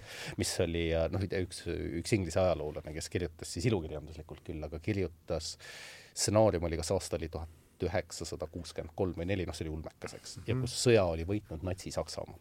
aga seal oli üks väga kena vahepala või lugu. Ühest sellist, kes oli mõistetud surma ja kes istus ja ootas siis oma surmamõistmist kongis. Mm.. ja noh, tähendab kogu see ümbruskonna kirjeldus on muidugi on sürreaalne, eks, et et noh, sealt on võetud nagu tead, klassikaline nagu natsiarhitektuur ja noh, see, see ühiskond on ikkagi noh, on suht koht, noh, ongi totalitaristlik, eks, nagu ütleme niimoodi, et Orwelli tuhat üheksasada kaheksakümmend neli, eks, on nagu väga sarnane seal. ja siis igal juhul sellel mehel oli, oli mingisugune lapsepõlveaegne pruut kes tahtis temaga abielluda sel ajal, kui ta oli vanglas ja siis tead, noh, sellest kirjutati kusagil lehes miskit pidi ja siis nii-öelda saksa rahva romantiline, romantiline meel võttis üle ja siis ta kirjeldab seda stseeni, kuidas sul on surma mõistetud mees, kes läheb kirikusse, mis on tühi, sellepärast et usk, eks ei ole nagu tol hetkel, noh, sul ei ole konkurenti siis vaja, eks, sinna kõrvale. kuidas nad lähevad, kuidas nad abielluvad ja kuidas see mees siis palub sellelt kirikuõpetajalt et kas ta saaks oma siis nii-öelda oma äsja naitunud äh, või, või oma, oma äsja võetud naisega tead, saada viisteist minutit kusagil, kusagil nagu omaette aega, eks, ja siis kirikuõpetaja annab talle selle aja ja siis on seal suurepärane kirjeldus, kuidas see mees tuleb välja, teades, et ta hukatakse. ja ta ütleb, et või see, kuidas ta seda kirjeldab, on see, et sa võiks ju eeldada, et seal on inimene, kes küsib lisaaega või küsib midagi muud või, ja seal on hästi ilusasti on kirjeldatud see, kuidas see mees sammus sirge seljaga ja püsti peaga oma saatusele vastu, sellepärast et ainus asi, mida tal oli vaja, oli teada, et võimalus teistsuguseks eluks on olemas ja noh, sealt stseen lõpeb, eks, ja, ja ongi kõik, et see on just see lootuse, lootuse roll kujutlusvõimes on muidugi ka hästi, hästi kena. ja teine mm. seesama saatuse motiiv, mulle väga meeldis see, see oli üks Tarnase loengus, kus ta rääkis seal Hillmanist ja, ja et, et pärast tema nägemus oli siis ähm, katastroofi jär-, väljend on katastroofijärgne psühholoogia, tuli välja, et see, ma ei tea, mis Jungilt pärineb, see katastroofijärgne psühholoogia, ei ole juur-, jõudnud uurida, mis see täpsemalt tähendab või mis see kontekst on, aga aga ütles, et katastroofijärgne psühholoogia rajaneb kolmele universaalile, mis on õiglus, ilu ja, ja, ja, ja saatus. ja, ja saatus, äh, mis mulle eriti kuidagi läks, et saatus annab äh, tragöödialöökidele nende tähtsuse mis on ilus, et ja jah, just sealt see müütiline, et see saatuse sõna on see, mille kaudu see müütiline, müütiline, müütiline nägemus või arusaamine meieni jõuab, aga me olemegi nüüd siin peaaegu kaks tundi, kaks tundi viisakalt koos aega veetnud, et katsuks siis mul on kiusatus esitada viimane küsimus ja ja, ja, ja midagi ei ole teha, see mm, kursus tiksub edasi ja veel kord, ma olen selles ja sellepärast see sa-, vestlus sai, sai ju ka organiseeritud või kokku kutsutud, et see, mm, mina ta jõudsin ta läbi, suuresti läbi Hillmanini, läbi Hillmani ja üks lause, mis me nüüd teiega siin vesteldes tuli, hakkas peas trummeldama, oli, ta ütleb Shakespeare'i kohta. et Shakespeare'il on äh, Shakespeare'i kangelased on äh, vahepuhver Shakespeare'i kui inimese ja ta nimetab ingliskeelse, teine pool on Madness of the Psyche ehk siis äh, Tonts ei tea, mida ta selle all mõtleb. ühesõnaga, idee, mida ta ütleb, on see, et Shakespeare'i kangelased on vahevöö, puhver Shakespeare'i kui inimese ja teine pool on siis Madness of the Psyche äh,. Kuidas me seda tõlgime, jätame ta praegu, et mida sellest, lihtsalt see tuli meelde, järelikult on oluline mulle praegu, et kui küsiks teie arvamust äh, selle kohta, siis paneme mikrofoni kinni. ja kui ei tule midagi, siis see on ka okei okay.. aga üürisin kunagi korterit Tartu linnas ja ja seal oli öeldud, et tahatuppa ei või minna, et kõik kaks tuba on minu ja ma olen olnud ka samas situatsioonis. ja tagum-, tahatuppa minna ei või. Aga esimese toa tapeedile oli keegi kirjutanud undki näha, sest nõnda uinudes kaoks hingepiin või kõik need tuhat häiret, mis me liha pärib looduselt. et sealt jäi mulle see pähe, siis ma lõpuks murdsin ikkagi nagu tagu, tagumist tuppa sisse, sest kui öeldakse, et ei, ei saa minna, siis me leidsime võti, võtme kuskilt Nii. ukse pealt vist ja see oli täis raamatuid, seal oli raamaturiiul vist oli kahes seinas ja seal oli, keegi oli kogunud Eesti luulekogusid, keegi oli kogunud, kõik Shakespeare'i teosed olid seal olemas, seal olid Byronid, seal oli ja uskumatuid nagu, niisugune luuletaja nagu Linda Ruus oli kunagi, ta oli rohkem tõlkija nagu,, kui geniaalseid luuletusi noores, noores põlves kirjutas. ja siis ma lugesin kõik need, kõik need Shakespeare'i võimalikud asjad läbi, sellepärast nad olid megalahedas tõlkes. Byron näiteks oli oluliselt raskem tõlge nagu minu jaoks tol hetkel nagu onju. Ja siis ma mingil hetkel avastasin, et ma kirjutan tundmatu luuletaja, kes polnud veel ühtegi, ühtegi luuletust kuskil avaldanud, et ma kirjutan nagu Shakespeare ja see tundus nii, nii õige olevat, on aga ma ei tihanud neid kellelegi näidata, need on kadunud, on ju, ma arvan, et see on, see on väga hea, et niimoodi läks. see on see pilt, mis sul, sul haakus seda jah, mul on see, mul on Shakespeare'i periood täiesti olnud, tähendab, et kus ma olen nautinud seda. Andres? oh, kuule, minul tuleb Freud pähe sellega Aha. kohe või ta nagu varajasemat, varajasem nagu teooria, mis haakub müüdiga ka mm -hmm. tegelikult, mis on, mis on seesama siis teadvus alateadvus ja jällegi ma ei ole kindel, kuidas seda eesti keeles kutsutakse, aga see on vist see reps-, repressioonijoon või repressiooni piir, mis nende vahel on mm. -hmm. ja seda on siis seletatud noh, Kreeka müütide puhul, noh eriti seal loomisloost, kus on noh, kõik, eks, seal on, seal on tapmist, seal on verd, seal on laste söömist, seal on noh, tead, igasuguseid asju. Madness of the right just, just, eks, just ja siis Freud näeb seda, et müüt mingis mõttes ongi see outlet või väljund, noh, ta, ta, kirjeldab natuke, milline on see mehhanism, mille alusel üks, üks jääb ühele poole, teine jääb teisele poole, kuidas üks saab liikuda teise, aga juba muundunud kujul, ehk siis see nii-öelda kole, koledast alateadvusest võib-olla tsiviliseeritumasse nagu teadvusesse mm. -hmm. ja siis ta paneb sedasama müüdi sinna konteksti, eks mm, -hmm. mis on see, et müüt on selline, müüt on tegelikult peaaegu et nagu, nagu unenägu mm, -hmm. läbi mille me siis äh,, siis väljendame seda alumist otsa, eks. et see, see on lihtsalt see, mis mul pähe tuleb esimesena võib-olla. kusjuures see, ütleme, Shakespeare kõneleb nagu tänavapildis nagu minuga siiamaani, eks ole, ma lähen, lähen Koidu tänaval nagu, see oli eelmine, eelmine aasta, siis lähen Koidu tänaval hommikul vara kuskil, noh, ma elan Koidu tänaval, võib-olla kell on kümne, kümnest kümme hommikul ja tuleb vanapaar taarakotid õlgade peal, on ju naine on kõbusam nagu, et noh, ta on niisugune, noh, näost on ära, on ju, niisugune noh, õnnetu, riides nagu on, aga ja mees on siis, tuleb viis meetrit tagapool, mees on nagu väga läbi omadega, noh, punetab ja jalgadega vist midagi vigat ei kõnni nagu hästi ja nagu trööstitu vaatepilt on ju, et noh, esimene mõte on niisugune, et te lähete nagu no selge, saab kümme, on ju, et noh, taarava ära viia ja saate kätte. ja see naine pöörab ümber ja ütleb selle mehele taga niimoodi, et võta nüüd ennast kokku kohe,, kohe-kohe saad oma õlle kätte. ja kui soojalt ta seda ütles või. ma vaatasin selle peale niimoodi, ma, ma, see on Romeo ja Julia, noh, puhtalt. kui hoolivalt, noh, kui hoolivalt see naine ütles mehele, seda teadis, mida see mees parajasti kõige rohkem vajab nagu onju, et ta saaks oma, oma organismi tööle, et sa oma jalad, oma läbijalad nagu, nagu kuidagimoodi, ja ma vaatasin, et see on armastus see just ongi tegelikult armastus, see soojus, kuidas ta ütles nagu sellele üks kodutu teisele põhimõtteliselt, et no kohe-kohe saad oma õlle kätte nagu onju. see on Shakespeare. täna, tänases päevas reaalselt noh. see on kena koht, kus panna sellele jutuajamisele punkt, et aitäh, Olavi Ruitlane, aitäh, Andres Veispak, oli rõõm teiega no jutt nagu ikka käis aitäh! pronksiajast rauaaega ja, ja sinna-sinna, nii et sinna-tänna, et suur aitäh ja konsumat mest.